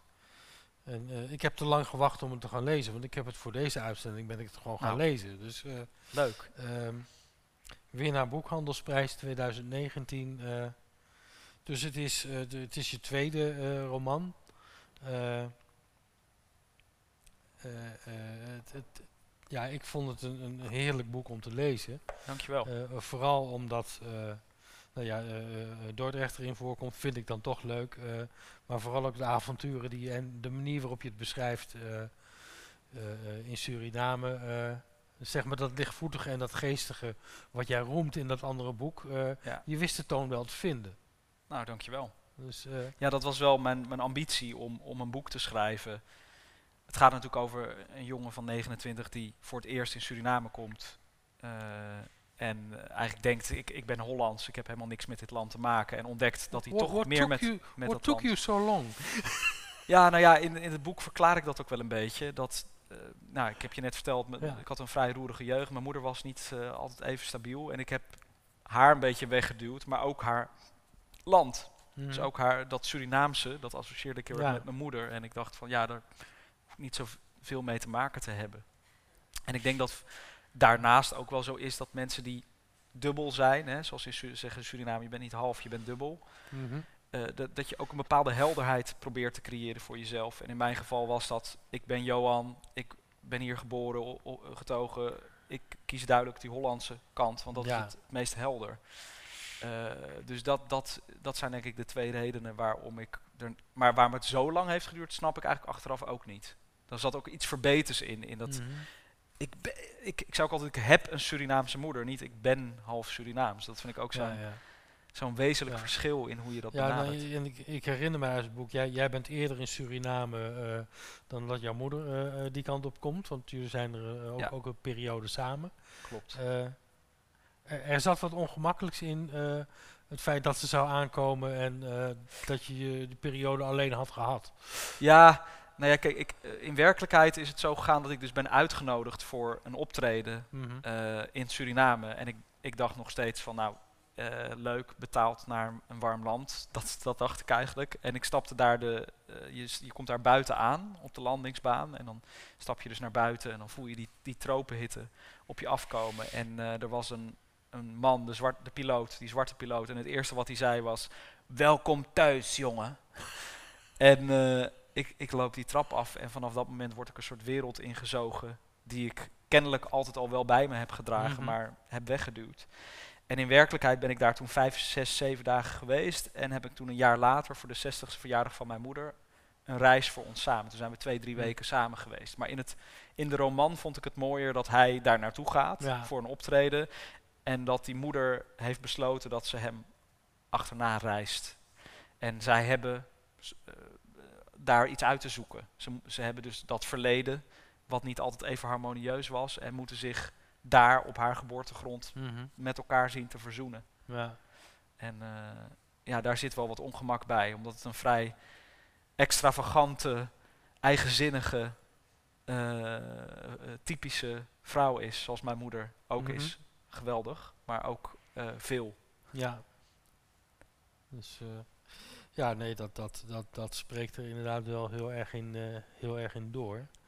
Ehm, ik, ik begrijp nu inderdaad dat je dat, je dat wel hebt gecomprimeerd in, de in, Ja. in, in de roman. Eh, als, als je erop eh, terugblikt, bedoel, wat, wat, wat heeft die ontmoeting met die cultuur, wat heeft het jou gebracht? Ik denk het meest eigenlijk, ja, op een persoonlijk niveau natuurlijk, gewoon het feit dat het een, een deel van je is. Mhm. Snap je? Dus evenzeer als dat de geschiedenis van mijn vader en mijn Nederlanderschap en, en ook Duitsland en de Elzas, waar hij dan weer eh, zijn wortels Mm. eh, heeft, dat dat een onderdeel is van wie ik ben geworden, is ook Suriname een onderdeel van wie ik ben. Dus dat omarmen maakt je completer als mens. Maar los daarvan vond ik het ook gewoon een waanzin. Ik bedoel, er is natuurlijk van alles mis, economisch, politiek. Ik bedoel, Bouters was toen nog aan de macht. Ja, Maar de manier waarop mensen met elkaar omgaan, de ongelooflijke warmte, de lyriek waarmee ze Nederlands spreken. Bijna poëtischer dan, eh, dan wij zelf. Eh, en ja, ik, ik praat bijvoorbeeld altijd heel veel met mijn handen en mijn armen. En eh, hier had ik toch altijd het idee van, oh, ik moet het een beetje beheersen. Maar daar doet iedereen dat. Het zijn van die kleine dingen die je dan opeens ziet Mm. of voelt. Of waarvan je denkt van, oh ja, dat, dat, dat, eh, dat, dat is onderdeel van mij. Ja. Dat, dat kom ik hier nu tegen. En eh, eh, leidt dat er ook toe dat je, dat je actiever de ontwikkelingen van dat land bent gaan volgen? Of- zeker. Ja, zeker ben ik dat met meer betrokkenheid gaan volgen. Hoewel ik politiek natuurlijk altijd wel op de hoogte bleef. Hè. Dat, dat Bouters, dat, dat het, en de decembermoord, dat het heel erg was. En, en eh, dat wist Ja. ik natuurlijk wel, maar ik ben me er ook beroepsmatig meer in gaan verdiepen, omdat ik nu voor de publieke omroep gaan we een, een dramaserie maken over de decembermoorden. Mhm. Dus dat is een, gewoon een, met, Ja. met scripts en acteurs. En, eh, omdat dat verhaal eigenlijk nog nooit is verteld eh, op de, op, in een Nee. serie of in een film. Eh, en ik ben de afgelopen jaren heb ik dus ook met heel veel nabestaanden Mm. gesproken. Ben ik me ook echt gaan verdiepen in hoe is het nou eigenlijk gegaan van de onafhankelijkheid tot nu. En hoe, Ja. kon, hoe kon die man in godsnaam ooit weer aan Nou de ja, macht de, komen? de, de, de, de- er is natuurlijk ook in Suriname een hele generatie die van na die verschrikkelijke Ja. eh, gebeurtenis is, die eh, die associatie tussen die decembermoorden en Bouders überhaupt niet leggen. Nee, nou ja, zoals wij hier, het is natuurlijk een heel ander, ander verhaal, maar de Tweede Wereldoorlog herdenken en dat verhaal aan elkaar door blijven vertellen, waardoor dat bewustzijn er blijft over hoe erg dat was, dat is over de Binnenlandse Oorlog, de dictatuur van Bouterse en de decembermoorden eigenlijk nooit gebeurd. Nee. Het is toch... En zo zie je dus, als je verhalen dus niet doorvertelt, dan herhaalt de geschiedenis zich. En overigens, als je ze niet doorvertelt, eh, dat zien we in Amerika, dan herhalen ze zich ook. Ja, Eh, maar eh, ja, dat is, eh, Dus, dat eh, is, ja, dat is ja, de en- mens en- eigen, denk ik, vrees ik. tamelijk recent is eh eh, Bouders opnieuw veroordeeld. Ja, maar hij is al inmiddels drie keer veroordeeld. En ik, dat, eh, ja, ik bedoel, eh, mijn, mijn, mijn op vraag aan jou zou- Surinaamse tijd gaat hij de cel Ja. pas in, denk mijn, ik. mijn, mijn, mijn, mijn vraag aan jou zou zijn, denk je dat hij deze keer wel de cel in gaat? Maar, Nou ja, eh, hij, hij kan nog één keer in hoger beroep gaan, maar het lijkt mij stug dat dit nog wordt overruled. Ik denk dat er wel een moment komt dat hij eh, in, in, eh, in de cel belandt. ja. Maar goed, het probleem in dat land is dat hij dus nog steeds wel een heel grote machtsbasis ook heeft. Eh, ik, ik heb toen ik het persbericht ook plaatste op mijn social media van ik, ik ga een serie maken over de decembermoorden, kreeg ik vanuit Suriname van heel veel jonge mensen. Oh, jullie Hollanders gaan zeker weer ons belachelijk maken. En Mm. je weet niks van Bouters, hij is de enige Mm. volkspresident. En toen dacht ik, wow, het was echt heel intens, die Ja. reacties. Dus dan merk je dat, zoals Trump ook die blinde adoratie heeft, dat heeft Bouters Ja. ook. Er zijn mensen die gewoon, hij kan niks fout doen. Nou, dat maakt het wel lastig natuurlijk om die serie... eh, ook fascinerend. En, ja. en uiteindelijk snap ik wel dat Surinamers graag willen dat de verhalen eh, op een integere manier verteld worden. En dat, dat, dat, het dat het niet is dat wij even komen vertellen hoe het daar, Mhm. hoe het daar zit. Eh, dat je het Surinaamse perspectief wel wil, wilt zien. ja, Maar ehm, ja, dat die ik heb ook met heel veel nabestaanden gesproken. En het is echt afschuwelijk wat daar heeft plaatsgevonden. Dus dat verhaal moet ook verteld worden. ja. Het is ook een, ook een deel Nederlandse geschiedenis, vind ik. Eh, eh, ja, eh, nou ja, het is grappig. De- ik hoorde laatst iemand op- de radio zeggen dat, dat Suriname langer onderdeel is geweest van Nederland dan, dan Limburg. Maar Oh, nou. Ik zou wel een. eh, we kunnen misschien ruilen. nee, eh, eh, het, is, het, is, het is zeker zo dat, dat zo'n land na de onafhankelijkheid was natuurlijk vol hoop. ja, In 75 hadden heel veel Surinamers zoiets van: ja, nu gaat het beginnen.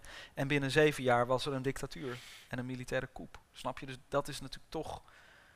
Dat zie je ook met die Arabische lente, wat nu tien Ja. jaar geleden is. Je kunt wel, de, je kunt wel de, de, de onafhankelijkheid of de vrijheid verklaren, maar als er helemaal geen ervaring of kennis is over hoe je dan vervolgens een gezonde democratie opbouwt, ja, dan kan dat dus ook misgaan. ja. Dat is, Ja, dat ik is niet. hetzelfde zie je natuurlijk in Afghanistan ook, waar de eh, eh, in het zadel geholpen regering toch ook niet de samenleving Nee. heeft kunnen vormgeven die, die er zou moeten ontstaan. En dus valt het terug. Ja, en, en eigenlijk zijn we daar inmiddels wel grappig genoeg. eh, dat, dat isolationisme van Trump bijvoorbeeld, hè, die heeft eigenlijk gezegd America first. Nou, daar zat natuurlijk iets heel nationalistisch en tribaals aan, maar eh, er zijn in Amerika zelfs hele linkse pacifisten die zeiden ja, maar hij is in ieder geval niet heel erg dat imperialistische van Ja. oorlog zoals Bush, weet je, we gaan democratie brengen en dat, dat had hij niet. En eigenlijk zie je nu dat Biden die temperatuur in die samenleving voortzet door die terugtrekking te plaatsen. Wat natuurlijk op een vervolgens een manier gebeurt die echt vo- volledige Ja. menselijke tragedies achterlaat. Maar als wij met z'n allen vinden eigenlijk dat dat niet meer werkt, democratie afdwingen, dat dat vanuit samenlevingen zelf moet komen, ja, dan is er dus ook een moment dat je je terug moet trekken. Dat, dat is het gevolg. Ja. En daar zit, zie je weer, net als met corona op een andere manier, het, het is niet zo zwart-wit. Er zitten een grote spagaten in hoe je die idealen met elkaar kunt, kunt rijmen. Ja, oké. Ik ga jou dit boek even geven, want dan kun jij zoeken naar een fragment om zo even aan ons voor te lezen. Eh, en dan gaan we onderwijl eh, luisteren naar het eerste nummer in het tweede uur van Eve. Ehm, wat gaan we horen, Eve? Nou, we gaan een liedje horen met, eh, dat eigenlijk twee titels heeft. Het is geschreven als The Ballad of Old Seth Davy. En dat gaat over een Liverpool man die een, een sideshow had. Een plank waar die drie poppen op liet dansen. Aan van die touwtjes. En, eh, Mhm. en eh, maar ja, de Ieren die nemen ook wel eens Engelse liedjes over. Dus die dachten, dit is wel een leuk liedje. We noemen hem eh, Whiskey on a Sunday. en, en we maken de tekst iets anders. En, Ze, hebben ze hebben Liverpool geschrapt. ze hebben Liverpool gewoon geschrapt. dat gebeurt overigens vaak tussen Ierse en Noord-Ierse liedjes. Noord-Ierse liedjes hebben dezelfde melodie vaak Hm. als de Ierse liedjes, alleen andere tekst. Ja, Dus ja, dan is wel te raden welke, wat voor teksten dat zijn.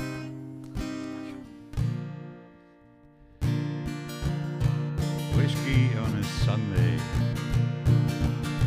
He sat at the corner of Bagger's Bush, a straight of an old packing crate. And the dolls at the end of the plank were dancing, round with a smile on his face. Da da dum, cold day, go day. Wishing me hard it was Sunday.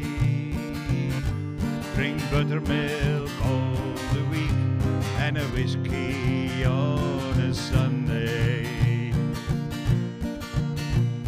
His hired old hands worked at food as the puppets they danced up and down. A far better show than you ever will see in the fancy theater in town. Da da da, cold day go day, wishing me hard it was Sunday. Drink buttermilk all the week and a whiskey on a Sunday. 1902, old said Davy died. His song it was heard no more. The three dancing dolls in the dustin were drowned, and the plank went bend the back door. On some stormy night, if you passing that way, with the wind blowing up from the sea, you can still hear the song of old sad Davy, croons to his dancing those three. Da da dum, go day, go day, wishing me hard it was Sunday. Drink buttermilk all the week and a whiskey on a Sunday. Drink buttermilk all the week and a whiskey on Sunday.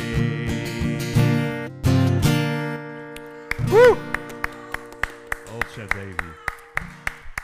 Dankjewel. nou ja, het is, het is donderdagavond, maar ik sluit niet uit dat ik, eh, als ik vanavond thuis ben, toch maar dat glaasje whisky neem. Ja, Eh, het weekend be- begint vroeg. ik eh, krijg er wel zin in als ik dit liedje hoor. Ehm, je hebt een fragment gevonden. Ja, ik, ik, ik dacht ik neem het fragment eigenlijk wat ik altijd wel... De, de ouders van, eh, van Johannes eh, spelen eigenlijk een grote rol in het eh, boek. Dus die Hagenese en die Surinaamse en hoe zij met elkaar omgaan. Dus het leek me een mooi fragment om, om voor te lezen. Dit is als Johannes net wakker is geworden voor het eerst in Suriname. En hij is geen ochtendmens, maar hij wordt hier opeens heel vroeg wakker. Ik heb altijd graag een ochtendmens willen zijn, maar het is me nooit gelukt er een te worden. Het is bijna gênant als je zou weten hoe vaak ik het geprobeerd heb. Moedig, koppig en vol verwachting. Alsof er een nieuw leven zou beginnen. Helaas smeet ik telkens na hooguit vier dagen de wekker weer in de hoek van de kamer en sliep door. Het is niet mijn schuld, zegt mijn moeder. Je komt nu eenmaal uit een familie van langslapers, zegt ze. Het past natuurlijk bij de hardnekkige karikatuur van Surinamers, dat ze lang en veel slapen, maar bij ons wordt het cliché teruggebracht tot een familiaire kwaal die stamt uit de geschiedenis. Ik houd mijn ogen erfelijk dicht. Mijn moeder heeft me geleerd om dit als argument in de strijd te werpen tegen zeurende kortslapers. En dat doet ze zelf dan ook dagelijks wanneer mijn vader haar, meestal rond het middaguur, uit bed probeert te krijgen. Virginia, roept hij, denk je dat het vandaag nog gaat lukken voor het acht uur journaal? Jan, zegt ze dan, vrij fel voor iemand die nog in een halve coma verkeert. Het is genetisch, dat begrijp jij niet. Genetisch? Ja, omdat je Duits bent. Ik ben niet Duits, Virgin. Mijn vader is wel Duits. Dat wil zeggen, zijn ouders kwamen uit Duitsland. Maar volgens mijn vader kwam zijn moeder uit de Elzas en is dat van oorsprong Frans grondgebied. En kwam zijn vader, als je maar lang genoeg terugzoekt in de stamboom, uit Canada of uit Friesland. Dus is hij zelf eigenlijk een Franse Canadees. Een Canadese Fries of een Friese Fransoos. Alles best, zolang hij maar geen Duitser hoeft te zijn. Jij slaapt kort, zegt mijn moeder tegen hem, omdat je je schuldig voelt over je geschiedenis. En terecht. Maar mijn geschiedenis is anders. Ik slaap uit namens mijn voorouders. Ik ben aan het uitrusten van de slavernij, Jan, dus laat me met rust. Nou, even tot hier. Dat is, en dat, dat gekibbel gaat eigenlijk de, de hele tijd door tussen Ja. die twee. Maar ze houden ook heel veel Ja. van elkaar. Ik ben aan het uitrusten van de slavernij. Een geestige opmerking.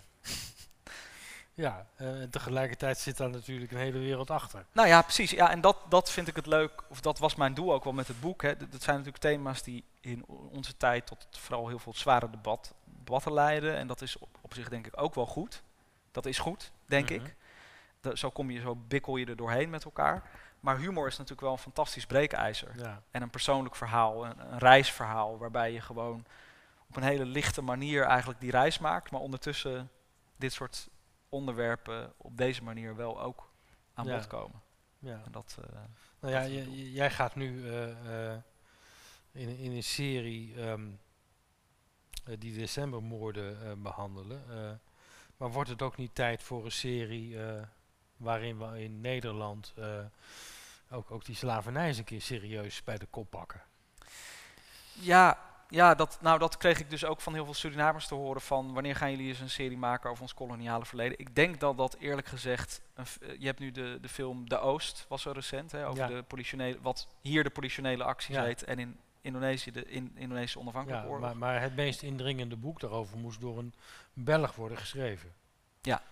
Dat was David van Rijbroek. Ja, ja, dat is waar. Dat is waar. Eh, maar ik denk eerlijk gezegd dat het tij in die zin wel gekeerd is dat die verhalen zullen de komende jaren verteld worden. Daar ben ik van overtuigd. En ze worden ook al verteld. Alleen zoals je in Amerika Colson Whitehead he- hebt met eh, de ondergrondse spoorweg eh, en nu binnenkort Harlem Shuffle, die eigenlijk die geschiedenis van Amerika op een heel beeldende, fantastische manier beschrijft, dat, dat, dat hebben wij nog wel minder. Mhm. Maar eh, ja, ik denk dat dat soort dingen vanzelf komen. Maar ik denk ook dat het heel belangrijk is om gewoon verhalen te vertellen. Die gewoon goede verhalen zijn. Eh, en dat je dan vanzelf wel in aanraking komt met die gedeelde geschiedenis. Snap je? Dus de nadrukkelijkheid, de weg Mhm. van de nadrukkelijkheid is in kunst niet altijd de beste weg, Nee. denk ik. Soms is de weg van de onnadrukkelijkheid of de terloopsheid eh, een, een krachtigere manier om iets over het verleden te vertellen dan heel erg. Ik bedoel, we gaan dit boek bijvoorbeeld nu verfilmen als, als bioscoopfilm. Mhm. En daar hoop ik dat er ook heel veel jonge mensen naartoe gaan. En die, het is gewoon ook een heel warme, grappige film. En misschien gaan wel gewoon een, iemand, ja. een, eh, een moeder en een zoon uit Volendam die spierwit zijn en eh, nog nooit iets met Suriname. We gaan daar ook heen en herkennen ook zichzelf in een verhaal over een moeder en een zoon. En dan zeg je ook iets over Suriname en Nederland. En Ja. maar niet op een heel nadrukkelijke manier. En dat kan ook effectief zijn, denk ik. Nou ja, misschien inderdaad wel effectiever. eh. Wel als je zeg maar de, de, eh, de, iedereen wilt bereiken. Als je niet alleen maar de mensen wilt bereiken die... eh, kijk, het is, onderwijs is een ander verhaal. Ik bedoel, ik vind wel Mhm. dat de, de Nederlands-Surinaamse geschiedenis een, een onderdeel zou moeten zijn van het curriculum op school. ja. Dat, is, dat, dat zou wel echt absoluut moeten. Ik weet niet eens of het in de kanon zit om maar iets. Nou ja, dat is natuurlijk nu ja. wel urgent. Maar uiteindelijk denk ik dat in kunst je dat toch vrij moet laten. Als je, ik, ik, ik ben bijvoorbeeld ook niet zo van de school dat er was laatst had je de directeur van het Filmfonds. Mhm. En die was in Cannes. En daar ging de nieuwe film van Paul Verhoeven in première. En hij zei van ja, we zijn natuurlijk bij het Filmfonds heel erg bezig met diversiteit en inclusiviteit. En ja, dan weet ik natuurlijk niet of Paul Verhoeven daar nog wel in past. En ik wist niet wat ik hoorde. Want Ja. Paul Verhoeven is gewoon een van de allergrootste filmmakers die we ooit hebben gehad. En met dat ja, puristische, com- overcompenserende denken los je ook niks op. Weet Nee. je wel? De, allereerst wil ook niemand als een soort token niet vanwege zijn kwaliteit worden gekozen, maar vanwege zijn achtergrond. Eh, en het is ook nog eens onzin, want ik denk dat he- heel veel mensen overigens van kleur die eh, bijvoorbeeld misschien in Zuidoost of in, in arme gezinnen zijn opgegroeid, als ze al een Nederlandse filmer kennen, dan is het Paul Verhoeven vanwege zijn fantastische, wel, ja. fantastische werk. En ik denk wel dat we een, een inhaalslag te maken hebben. Dat er inmiddels al heel veel generaties zijn, mijn generatie, die daaronder, die super divers zijn. Van allerlei kleuren door elkaar. Het doet er al lang niet meer toe. En dat als die kwaliteit er is, dat soms die kwaliteit niet gezien wordt. Maar wat zo'n filmfondsdirecteur eigenlijk zegt, is je wilt een soort schabloon plakken op die dingen van ja. eh, eh, en hokjes. Die hokjes om het hokjesdenken op te lossen, lijkt me nooit echt een, een manier om, eh Nee, om je zou bijna zeggen, daar, daar hadden we het in het vorige uur ook over, dan, dan, dan zit je weer in die polarisatie. polarisatie is natuurlijk ook een beetje een woord wat vaak wordt gebruikt om. Want soms is een botsing ook nodig. En polarisatie is ook een botsing. Dus Mhm. als iemand zeg maar onrecht. Bedoel, Martin Luther King was ook polariserend. Ja, Snap je? Want in die tijd was het helemaal niet zo gewoon om voor de dingen te strijden waar hij voor streed. En heel veel mensen waren daartegen. Ja, dat was dus polariserend. Maar niet omdat hij daarvoor streed. Dus die polarisatie is soms een nodig effect van een, een gerechtvaardigde strijd voor rechtvaardigheid, gelijkwaardigheid, vrijheid. Maar als we vervolgens naar de oplossing toe gaan van een aantal van die thema's die de laatste jaren steeds meer in het debat natuurlijk naar boven komen, dan denk ik, eh, het moet geen soort mode gereden zijn van diversiteit, inclusiviteit, eh, we strooien er maar mee. Mhm. En, want daar benadeel je uiteindelijk denk ik iedereen mee. Ja. Het moet, je moet intrinsiek zien dat Nederland inmiddels een veelkleurig land is en dat ja, wat volgens mij in de popcultuur en in heel veel jonge generaties dus al heel erg vanzelf gaat. En, en, en volgens mij in alle grote steden ook. Maar ehm, Ja, en natuurlijk zijn er ook problemen, maar dat ontkent ook helemaal niemand. Nee. Maar er zijn ook echt fantastisch veel mensen die dwars door alle achtergronden en muren heen eh, fantastische dingen maken. En die mogen wel wat meer komen bovendrijven de komende jaren. Dat is, dat is heel goed, maar Ja. ik denk dat dat vanzelf ook gaat gebeuren. oké. En eh, dat hoop ik in ieder geval. Eh, ik hoop dat met jou. Dus, ik ga jou vragen om een fragment eh, te gaan opzoeken dat in Dordrecht speelt. Oh ja. Dat lijkt me wel had leuk voor Had ik beloofd. het publiek het hier. En dan gaan we onderwijl weer even naar Eve. Leuk. Ik doe er nog één. Ja, je doet er nog één, gelukkig maar. Over Ja, je bent iets, iets vroeger aan de beurt dan dat je dacht misschien. Ja, dat maar, maakt niet uit. eh, heb hem wel en, en, en, en welke ga je doen? Ik ga doen eh, de Cliffs of Donin. In Ierland is zo dat eh, over elke steen, elk dorp, over alles worden liedjes gemaakt daar. Maar voornamelijk het gewoon normale leven. Ja, volgens mij is dat in Schotland ook zo, maar dan hebben ze dan een akelige doedelzak bij. Ja, Eh, nou, ik, ik ben wel blij dat jij hier met een gitaar ik hou zit. wel van, van doedelzak. Maar, maar het moet er wel bij passen, ja.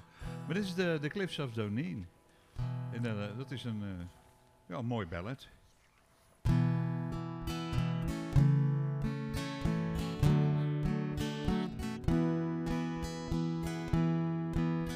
May travel far, far from your own native home. Far away over the mountains, far away over the foam. But of all the fine places that I've ever seen, there's none to compare with the cliffs of Donin. Take a view over the water, fine sights you see there. You'll see high rocky slopes on the west coast of Clare. The towns of Kilkee and Kilrush can be seen. From the high rocky slopes at the cliffs of Doneen. It's a nice place to be on a fine summer's day. Watching all the wildflowers that never do decay. The hare and lofty pheasants are plain to be seen, making homes for their young round the cliffs of Doneen. Farewell to Doneen, farewell for the while and to all the fine people I'm leaving behind. To the streams in the meadows where late I have been, and the high rocky slopes of the cliffs of Doneen.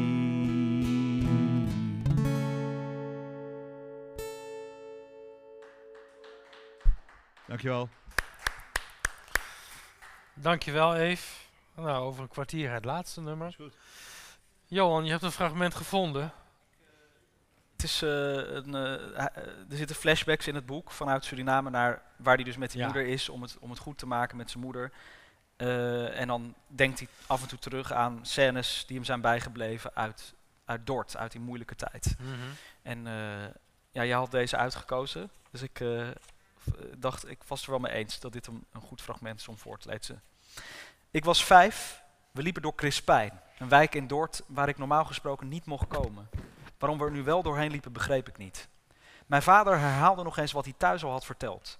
We gaan een nieuw huis zoeken voor mama. Ook dat begreep ik niet. We hadden toch al een huis? Maar mama gaat ergens anders wonen. Dat is beter voor mama, beter voor papa en daarom ook beter voor jou. Als het weekend is, mag je ook in mama's huis wonen. Het leek me heel onhandig. Twee huizen.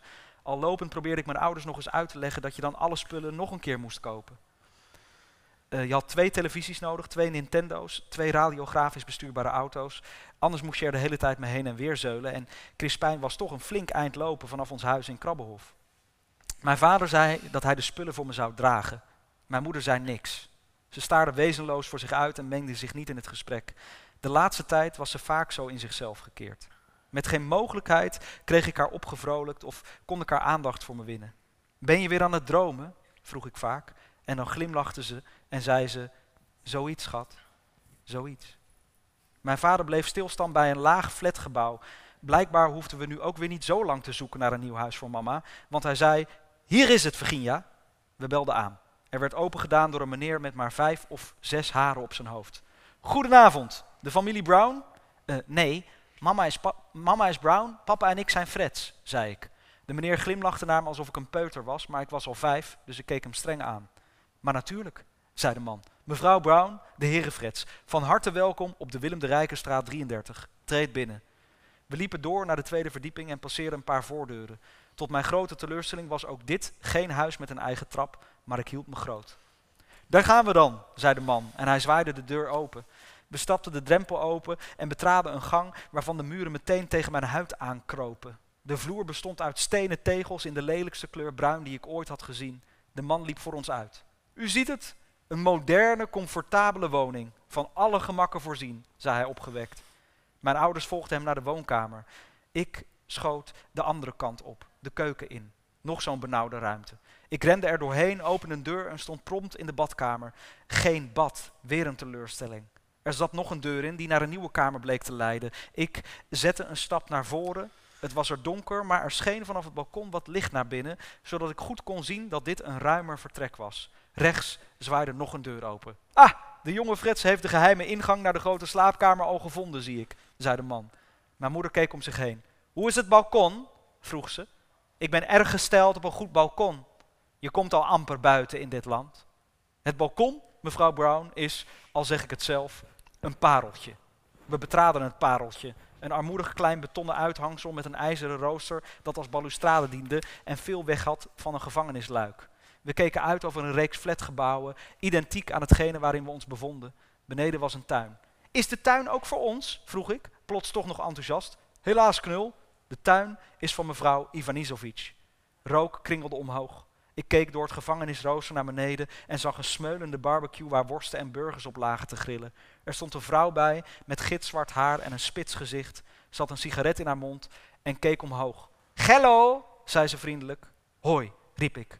Ik ben Johannes. Mijn mama komt hier wonen. Dat is beter voor haar, beter voor papa en daarom ook beter voor mij. Nou, tot hier. Ja, Lijkt me genoeg.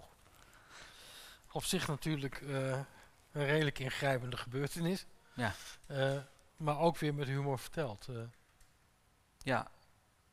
Nou ja, vanuit het kinderperspectief, hè. Mhm. Dat je, dat je ook dat, dat, je, dat je ook alles heel letterlijk neemt. Hè. We gaan zoeken naar een huis voor mama en dan ben je er vijf minuten later en denk je, oh, maar we gingen toch zoeken en we hebben het kennelijk nu al gevonden. ja. Of inderdaad dat je meer bezig bent met, oh, heeft dit huis een tuin of een, een trap, dan het feit dat je ouders dus gaan scheiden, wat je dan dus niet echt door hebt. Dat, Ja. dat is natuurlijk, dat is wat ik eerder volgens mij ook zei, voor een kind is alles in principe normaal. Ook hele heftige en ingrijpende gebeurtenissen. En pas later, ik ben bijvoorbeeld dus nu bijna twee jaar vader, Mhm. en dat was het eerste waar ik aan dacht, ook toen ik net Dort binnenreed met die trein. Dat ik me opeens realiseerde van... God, het was toch eigenlijk wel echt een heftige tijd. Ja. Weet je, ik, ik, wij geven hem nu alle warmte en veiligheid en stabiliteit natuurlijk die we hem gelukkig kunnen geven. En daardoor realiseer ik me des te meer hoe ongewoon mijn eigen jeugd Mm. is geweest. En nu ik hier weer ben, dan denk je aan die dingen en dan denk je, ja, ik moet er toch niet aan denken dat mijn zoon dat allemaal zou Ja. beleven als hij vier, vijf of zes is. En dat is ook wel verdrietig natuurlijk ergens. Maar het is ook mooi om Ja. als zelf als vader het, het anders te kunnen doen. En, en eh, er gaat iets helends ook van uit om de Ja. onrust die je zelf hebt ervaren niet door te geven. En, en er iets anders, iets veiligers voor in de plaats te kunnen bieden aan. Nou ja, dat weet je ook als vader, waar je gewoon het, eh, het Ja, ja, nou ja, het is in zekere zin bij mij ook niet helemaal gelukt. Want mijn kinderen hebben ook gescheiden ouders. Maar eh, Nou ja, het is, het, het, het is ook, dat kan soms ook beter zijn voor beide partijen, toch? Of voor alle Ja. partijen. Maar het, het- in mijn geval ging het natuurlijk niet alleen om een scheiding, maar ook gewoon om gewoon een algehele eh, ja, staat van, van dingen die, die Ja. niet fijn zijn of harmonieus voor een kind. Maar ik, eh, uit, uiteindelijk, ik bedoel, ze zijn weer samen. eh, En ze zei, het, is, ze, het gaat nu heel, goed met ze. En, en het zijn ook, ze hebben me ook wel heel veel wel gegeven en voor Mhm. me geknokt. En ik kwam uit dus een heel arm gezin. eh, en uiteindelijk, ik, ik ben gewoon naar het VWO gegaan, ben gaan studeren. Ik, ik, ik, ja, ik kan goed leven van wat ik doe. Ja. Ik ben goed, goed terechtgekomen. En dat is ook niet alleen maar ondanks hen, maar ook dankzij hen. nee, ik bedoel, Dus die, die, die basis is er dan ook. eh, ja, ja. dat is natuurlijk dubbel. Ja, en nu, nu zei je in het eerste uur dat je hele goede herinneringen had aan eh, eh, de basisschool Ja. hier in Dordrecht. Dat, dat, dat heeft ook bijgedragen aan de ontwikkeling daarna. Ehm, Absoluut. Ja, want op het moment dat je dus thuis ja, je moeder van huis wegloopt, zoals je in het boek ook ziet, en, en je vader drinkt en er geen veiligheid is, dan kan zo'n school, ja, eh, je, je kan tot aan de voordeur zeg maar iemand helpen. Of je Mhm. kan tot, ik, ik heb echt bij eh, een aantal docenten toen eh, een, paar, een week gelogeerd. ja. Weet je wel. Ze hebben echt voor mij gezorgd. En zich echt om mij bekommerd. En ja, dat is op dat moment goud waard natuurlijk. Ja. En niet alleen op dat moment, maar dat is ook de reden waarom ik ze nog steeds spreek. En zij mij ook met heel veel liefde volgen, die docenten. Omdat je gewoon... Ja, dat is voor hun natuurlijk ook, dat je dat, dat je dat voor iemand kunt betekenen. Dat je weet dat, je, Mhm. dat iemand die nu ja. zijn- zijn- zichzelf ja, redt en zijn eigen weg heeft gevonden. Dat, We hebben het voortdurend natuurlijk over het belang van verhalen. Voor die docenten is dat ook een belangrijk en een mooi verhaal. ja, Uit hun, uit hun loopbaan. Ja, absoluut. Dat denk ik wel. Ja. En, en eh, het, het is uiteindelijk, eh, ja, dat is alles wat er is, toch? Het, het contact van een mens tot een mens Ja. en wat een mens voor een ander mens kan betekenen en de liefde die daaruit spreekt. Ehm, ja, dat is, Ja. dat is, daar, daar gaat het om. Ja, en eh, eh, nou ja, het boek gaat over eh, eh, jouw kennismaking met Suriname. Ehm, Staat er alweer een reis gepland? Wil je er graag weer naartoe? Ehm, Nou ja, we gaan dus... hoe hoe, is eh, je verhouding nu dus- met... met we zijn met dat script natuurlijk bezig nu Ja. voor de- deze film. En die, ik denk dat die volgend jaar wel gedraaid wordt. Ik zou er heel graag met mijn gezin naartoe gaan. Eh, dus dat lijkt me te gek. Maar het is door corona allemaal een beetje... eh, Ja. ja, het is, daar gaat ook slecht nog qua corona. En het is in die zin ook even de vraag voor die film. Hè, hoe gaat het zich ontwikkelen het Mhm. komende jaar? Maar ik, Ja. ik, ik verwacht in principe dat we volgend jaar wel kunnen filmen. En dan wil ik zelf ook wel gaan. Dus eh, het kriebelt. Maar het kriebelt ook voor heel veel andere plekken is, eh, om weer de wereld in te gaan. Volgens mij hebben we daar allemaal. eh, wel eh, ja, het- naar verlangd. de, de, de, de reislust hou je niet lang tegen, eh, denk ik dan. nee. Dus ehm, nee, dat heb ik ook wel. Ik heb Nederland nu ook wel een beetje gehad. ik wil ook wel even Nou, een keer, een keer op Vooral pad, met deze zomer. Dit was Ja. natuurlijk wel een vreselijke zomer. Het is vanavond mooi weer, gelukkig. Maar, eh, Ja, nou, we- volgens mij krijgen we een aantal mooie dagen Ja, eh, precies. binnenkort. Dus daar kunnen we heel erg eh, van genieten. Ehm, wat ik ongelooflijk ook, ook heel grappig vond in het boek is eh, bij bijna het doorlopende grapje dat je in het verkeerde hotel terechtgekomen was. ja, En ja, ja. volgens mij uiteindelijk vlak voordat je naar het vliegveld mocht in het goede Mocht ik, hotel. ja, ja, mocht ik in het goede hotel zitten. Ja, je hebt daar een, een- het beroemde hotel, is Hotel Torarica. Daar gaat eigenlijk bijna iedereen heen, alle Nederlanders, het KLM-personeel. En eh, die hadden dan in het boek, is overigens ook niet echt zo gegaan hoor bij mij, maar in het boek dus wel, is Mhm. dat hotel overboekt en wordt hij dus naar een minder chic zusjeshotel Ja. eh, eh, overgeplaatst. En elke dag vraagt hij, kan ik al naar Torarica? En dan kan het pas de laatste nacht. En dan zegt hij, ja, nou hoeft het niet meer. En dan zegt ze, ja, je moet. en dat is dan wel weer typisch Surinaams. Het wordt allemaal wel heel erg zo van, zo gaan we het doen. Ja, nee, zo. Dat is wel, wel heel Ja. grappig. Oké. Ehm, waar we het nog niet uitgebreid over gehad hebben is eh, ehm, jouw rol als columnist. Ik bedoel, eh, heel even, eh, omdat ik wat columns uit jullie noemde die over corona gingen. Ehm, je schrijft volgens mij op woensdag en zaterdag in... ja, ik ga nu weer alleen de zaterdag doen. Omdat ik toch de, de we het wekelijkse, één keer per week, ja, krachtiger vind. En ook gezien alle boeken en films Mm. en series die ik aan het doen ben, Druk, druk genoeg, ja. ik ook dacht van ja, volgens Dat mij, eh, want het le- leven ja. van een columnist is natuurlijk, dan ben je eigenlijk de hele tijd bezig met het nieuws. En, eh, Nou ja, da- da- da- daar ben ik wel nieuwsgierig naar in die zin van... eh, eh, ehm, hoe komt de columnist aan steeds weer het pakkende onderwerp om die zaterdag de lezer toch wat mee te geven of om tot nadenken te stemmen of... eh, nou ja, eh, wat, je, wat, wat mijn stelregel in ieder geval is, is dat je niet elke week een heel sterke mening hoeft te hebben. Je reflecteert.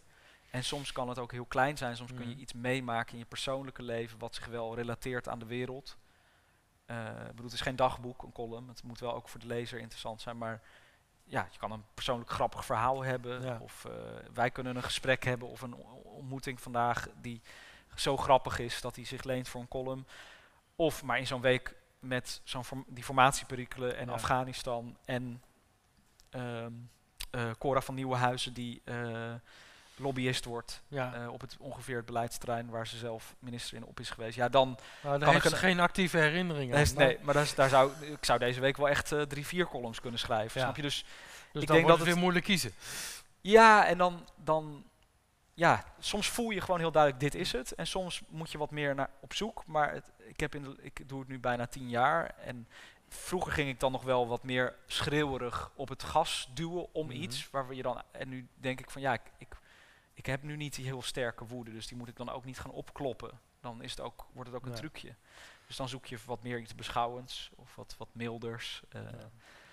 Of iets, ja. En, en nou zei je net al, eh, eh, toen je kenbaar maakte of op Facebook zette dat je bezig ging met die serie over de decembermoorden, kreeg je heel veel reacties uit eh, Suriname. Ja. Eh, wordt er veel gereageerd op eh, jouw columns? Krijg je respons van lezers? Zeker, nou, dus, zeker het laatste jaar is het wel echt heel erg gegroeid. En ik heb met name op, ik, ik deel ze ook op Instagram. En ik heb daar echt, bereik soms echt duizenden, met name dan jonge mensen opeens.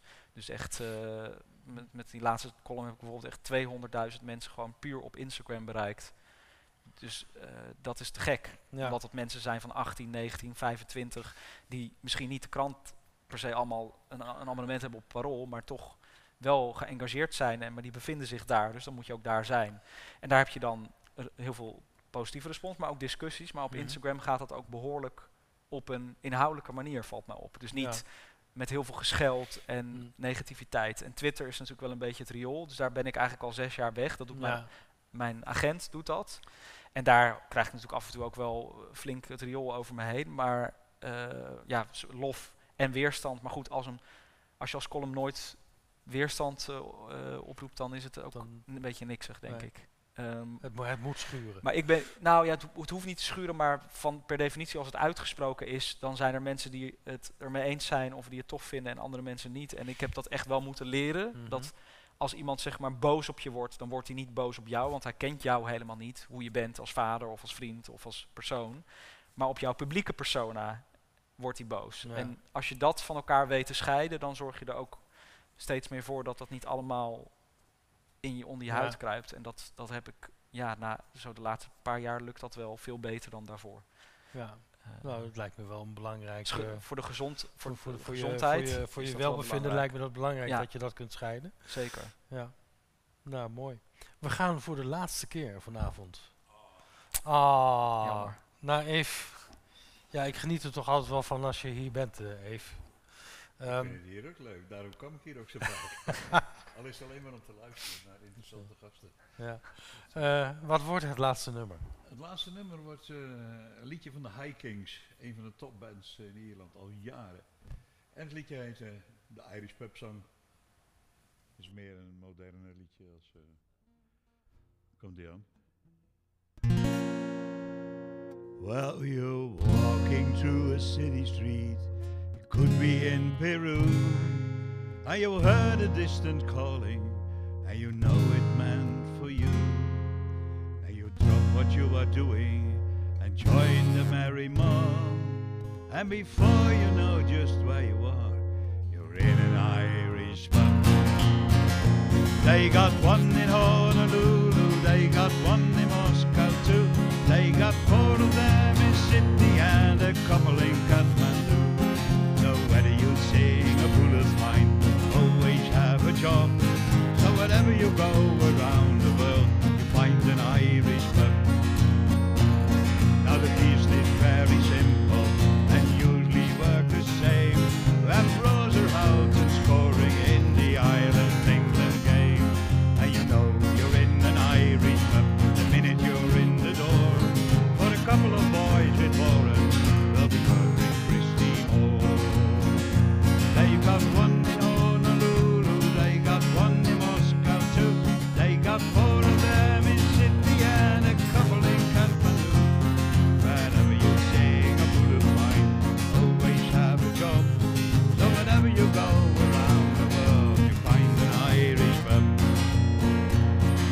the owner is Norwegian and the manager come from Cork. And the lad that's holding up the bar says only he just work. He's born and bred in Bolton, his mummy's from Kildare. And he's going to make his fortune soon, move to County Clare. They got one in Honolulu, they got one in Moscow too. They got four of them in Sydney and a couple in Kathmandu. So whether you sing a bullet fine, always have a job. But wherever you go around the world, you'll find an Irish pub. Now it's time for me to go. I have to catch my train. So I'll leave you sitting at the bar. Face the wind and rain. You have the pint you owe me. You're not gone in the dry. And we meet next week in Frankfurt in the fields of Ettenrye. They got one in Honolulu, they got one in Moscow too. They got four of them in Sydney and a couple in Kathmandu. So whether you sing a bullet wine, always have a job. But whatever you go around the world,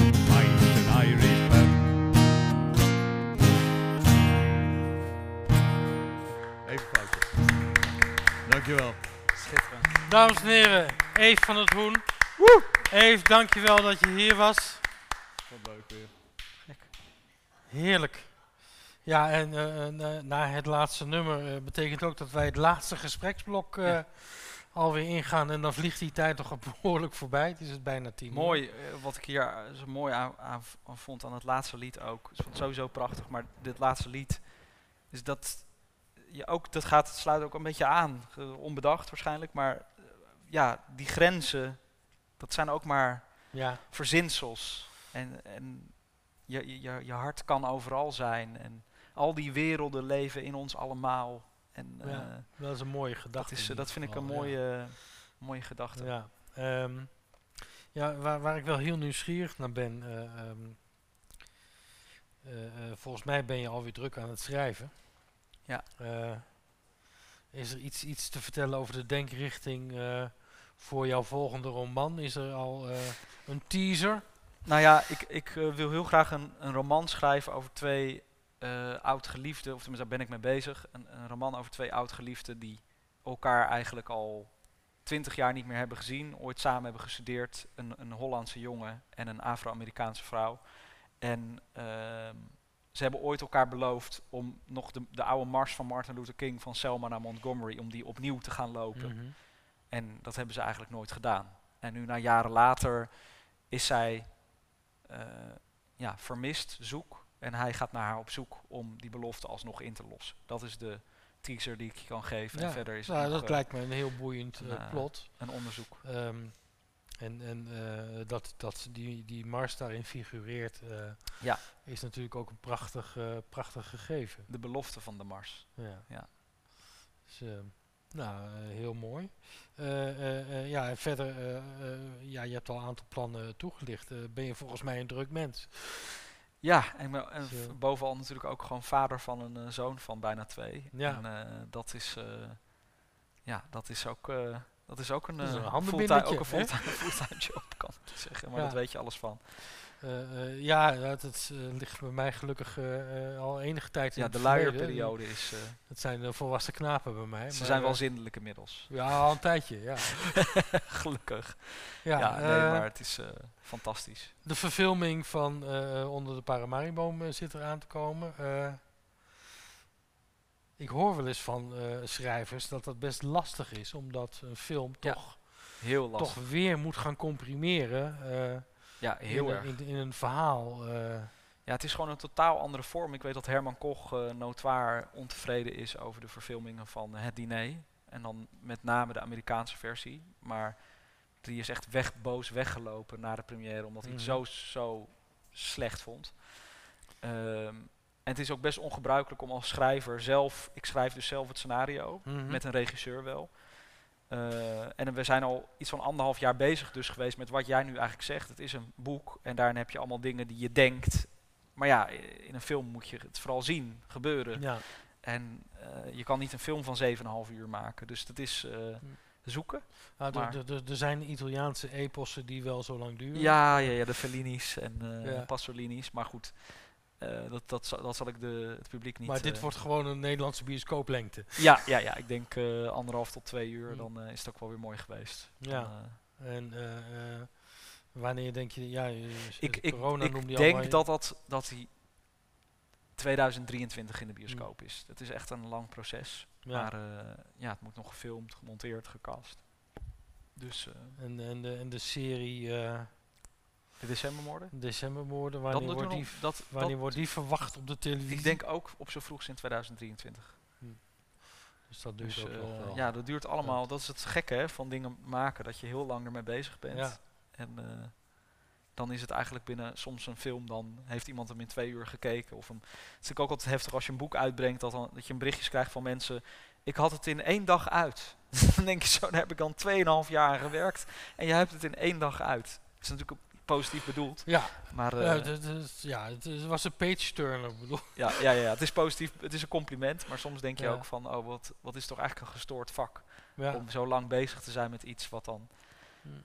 Maar ja, dat is ook, dat is het ding is, ik hou bijvoorbeeld heel erg van voetbal en ben heel erg voor Ajax en hoe, hoe dat team van Ajax speelde twee jaar geleden in de Champions League, dat ziet er heel makkelijk uit, maar dat is het natuurlijk niet. En Nee. dat is precies hetzelfde. Dus je moet al uren trainen, leren, ontwikkelen, schaven. Ja, ja, en dan ik- uiteindelijk ziet iets, denk je tak, tak, tak, oh wauw. Ja, ik, ik, zal er- je, ik zal je stiekem verklappen. Mijn oudste zoon, dat weet je, die woont in Amerika. Die was in mei hier in Dordrecht. En die ging hardlopen in een Ajax t-shirt. Dus ik heb gezegd, ik vind het moedig. Ja, ja, hij is ook levend teruggekomen. Ja. Oké. Dat is eh, gelukkig wel gelukt, ja. Ja. Ehm, dus, dus dat ging in die zin eh, ging dat heel goed. Eh, moet, moeten we nog iets zeggen over het cultuurklimaat in eh, ons land? Ik bedoel, tien jaar geleden maak je er heel erg druk over. eh, eh, is, het, is het verbeterd? Het is niet echt verbeterd. Het, is, het, is, het komt in Nederland vaak onderaan. Er is niet echt een liefde voor. Laatst hadden we die rel over de Formule 1. Dat, dat, daar dan gelukkig zijn mensen ook wel collectief best wel boos over dat zo'n Prins Bernhard Ja. aan een muzikant vraagt van Mm. kom maar voor niks. gewoon een van de topbands Ja. van Nederland. Kom maar voor niks optreden terwijl die man 500 panden in Amsterdam bezit. Eh, eh, Ja. ja. Maar Ja, dat- dat- je zou ook heel veel mensen die dan zeggen, ja het is toch een hobby. Het is toch dat, dat, dat, dat, dat, dat, sentiment, dat, dat, sentiment wat inderdaad tien jaar geleden eh, zijn intrede deed, die, die linkse Ja. hobby, of, maar dat is of een minister die het ook gewoon echt een hobby noemde. Ja, halve zelf. Ja. eh, dat, dat, dat is zo fnuikend geweest. Absoluut, maar je, het zit ook een beetje in onze, onze volksaard. Is natuurlijk een we, zijn een, we hebben een handelsgeest. Hè, dus het is zo van, eh, ja, wat koop je ervoor? Ja, Terwijl in, in Frankrijk of in, in Engeland of in, in Duitsland en in Amerika is er natuurlijk veel meer zoiets van de artiest of de kunstenaar. Dat is iets, die brengt ons, die brengt ons vreugde en troost en hoop en dat is heel Ja. veel waard. En ik denk dat we, dat, dat we daar vooral veel van zouden kunnen leren. Ja. Dat het onmeetbare uiteindelijk van onschatbare waarde ook kan zijn voor een mens. En ik vond het vooral teleurstellend dat zelfs D66 met Ingrid van Engelshoven zo'n ja, eigenlijk tamme minister aflevert. En echt, eigenlijk via niks gebeurd op dat Nee. vlak. Dus, eh, heel slecht. Dank dus, u. eh, dank je. Dank u Dus, wel. ehm, nee, eh, de- echt, eh, ehm, echt via niks gebeurd op dat vlak eh, eh, in dat derde kabinet Rutte. Nee, en er gaat in het volgende kabinet Rutte natuurlijk ook niks gebeuren aan, aan kunst en cultuur. Maar goed, eh, ik, ik zeg altijd, je kunt niet iedereen ervan overtuigen. Kijk, wat, wat veel linkse mensen vaak proberen is dan zeggen, maar het levert wel heel veel op. En dan Ja. met getallen en zo Mm. komen. En dat, maar dat, dat helpt niet. Je moet, Dan, dan zit je al in het neoliberale ja, dan, frame. dan ga je mee in het frame. Terwijl Ja. je, je, je eh, het is ook een soort prestige ding. We kunnen er toch ook trots op zijn dat toneelgroep Amsterdam over de hele wereld speelt. En dat films en boeken, zoals Herman Koch of, of, Ja, of het ja, ballet. Dat, dat, dat, dat Herman Koch in, in een Amerikaan, eh, Amerikaans verfilmd is, is op zich eh, Ja. eh, heel erg fijn. Daar, dat hij er boos bij wegloopt is dan weer wat minder. Maar het heeft wel een internationaal... nee, zeker. Nee, maar ik bedoel, heel veel Nederlandse kunst is, is ja, ondanks de, de bezuinigingen toch nog, nog steeds wel echt toonaangevend op sommige vlakken. Ja, Beeldend, toneel. zeker. Nou ja, we hebben echt wel hele grote namen eh, voortgebracht eh, in alle disciplines. Ja, dat is ook, ook iets om trots op te zijn. Ja. Dus je zou ook zeggen dat juist mensen die heel erg aan de nationalistische kant zitten, ja, je kan dat nationalisme heel erg stringent Mhm. inzetten. Of je kunt juist zeggen van dat is zo'n kunst of muziek. Of Ja. dat is fantastisch dat we dat hebben als Nederland. Ja, dat, dat zou ik, daar zou ik voor zijn. Ja, eh, ik op zich ook wel. Ja. Ehm, en Johan Frets en politiek, gaat dat ooit nog wat worden? Of, eh, Ik denk het niet. Ik denk, nou ja, Toni Morrison is een, was een Amerikaanse schrijfster en die zei altijd: alle goede kunst is politiek en wonderschoon. Ik hou niet van dingen die niet, ge- die niet geworteld zijn in de wereld, zei zij. En dus, dus ik begon met Nederlands Hoop. Dat was natuurlijk ook politiek. Dus Ja. het is wel politiek, ja. maar het heeft niet de vorm van ik word bestuurder of, of kamerlid. Dat denk ik niet. Nee, het zit dat hem dat- in de, in de sfeer van de mening, de beïnvloeding en het duidelijk maken van wat er speelt. Ja, of een verhaal wat dus. Kijk, politiek is uiteindelijk de vormgeving van hoe we als mensheid ons voort willen bewegen ten aanzien van hoe we ons tot elkaar en de wereld verhouden. Dus een go- eh, goede kunst eh, prikkelt je ook. Is niet een pamflet Nee. om wat jou zegt hoe je moet leven, maar kan wel je meenemen in iets wat je dusdanig raakt of beweegt. eh, dat, dat dat ook bijdraagt aan hoe de wereld golft en verandert. Daarmee sluiten we het dan maar af. Lijkt me een mooie laatste woorden. Dames en heren, dit was de laatste Via Cultura zomereditie van deze zomer. Eh, morgen begint eh, Via Cultura Weekend Magazine weer. Dus van 9 tot 10 live zijn we iedere vrijdag in de Biesboshal. Wellicht tot morgen en anders tot ziens. Dankjewel. Graag gedaan.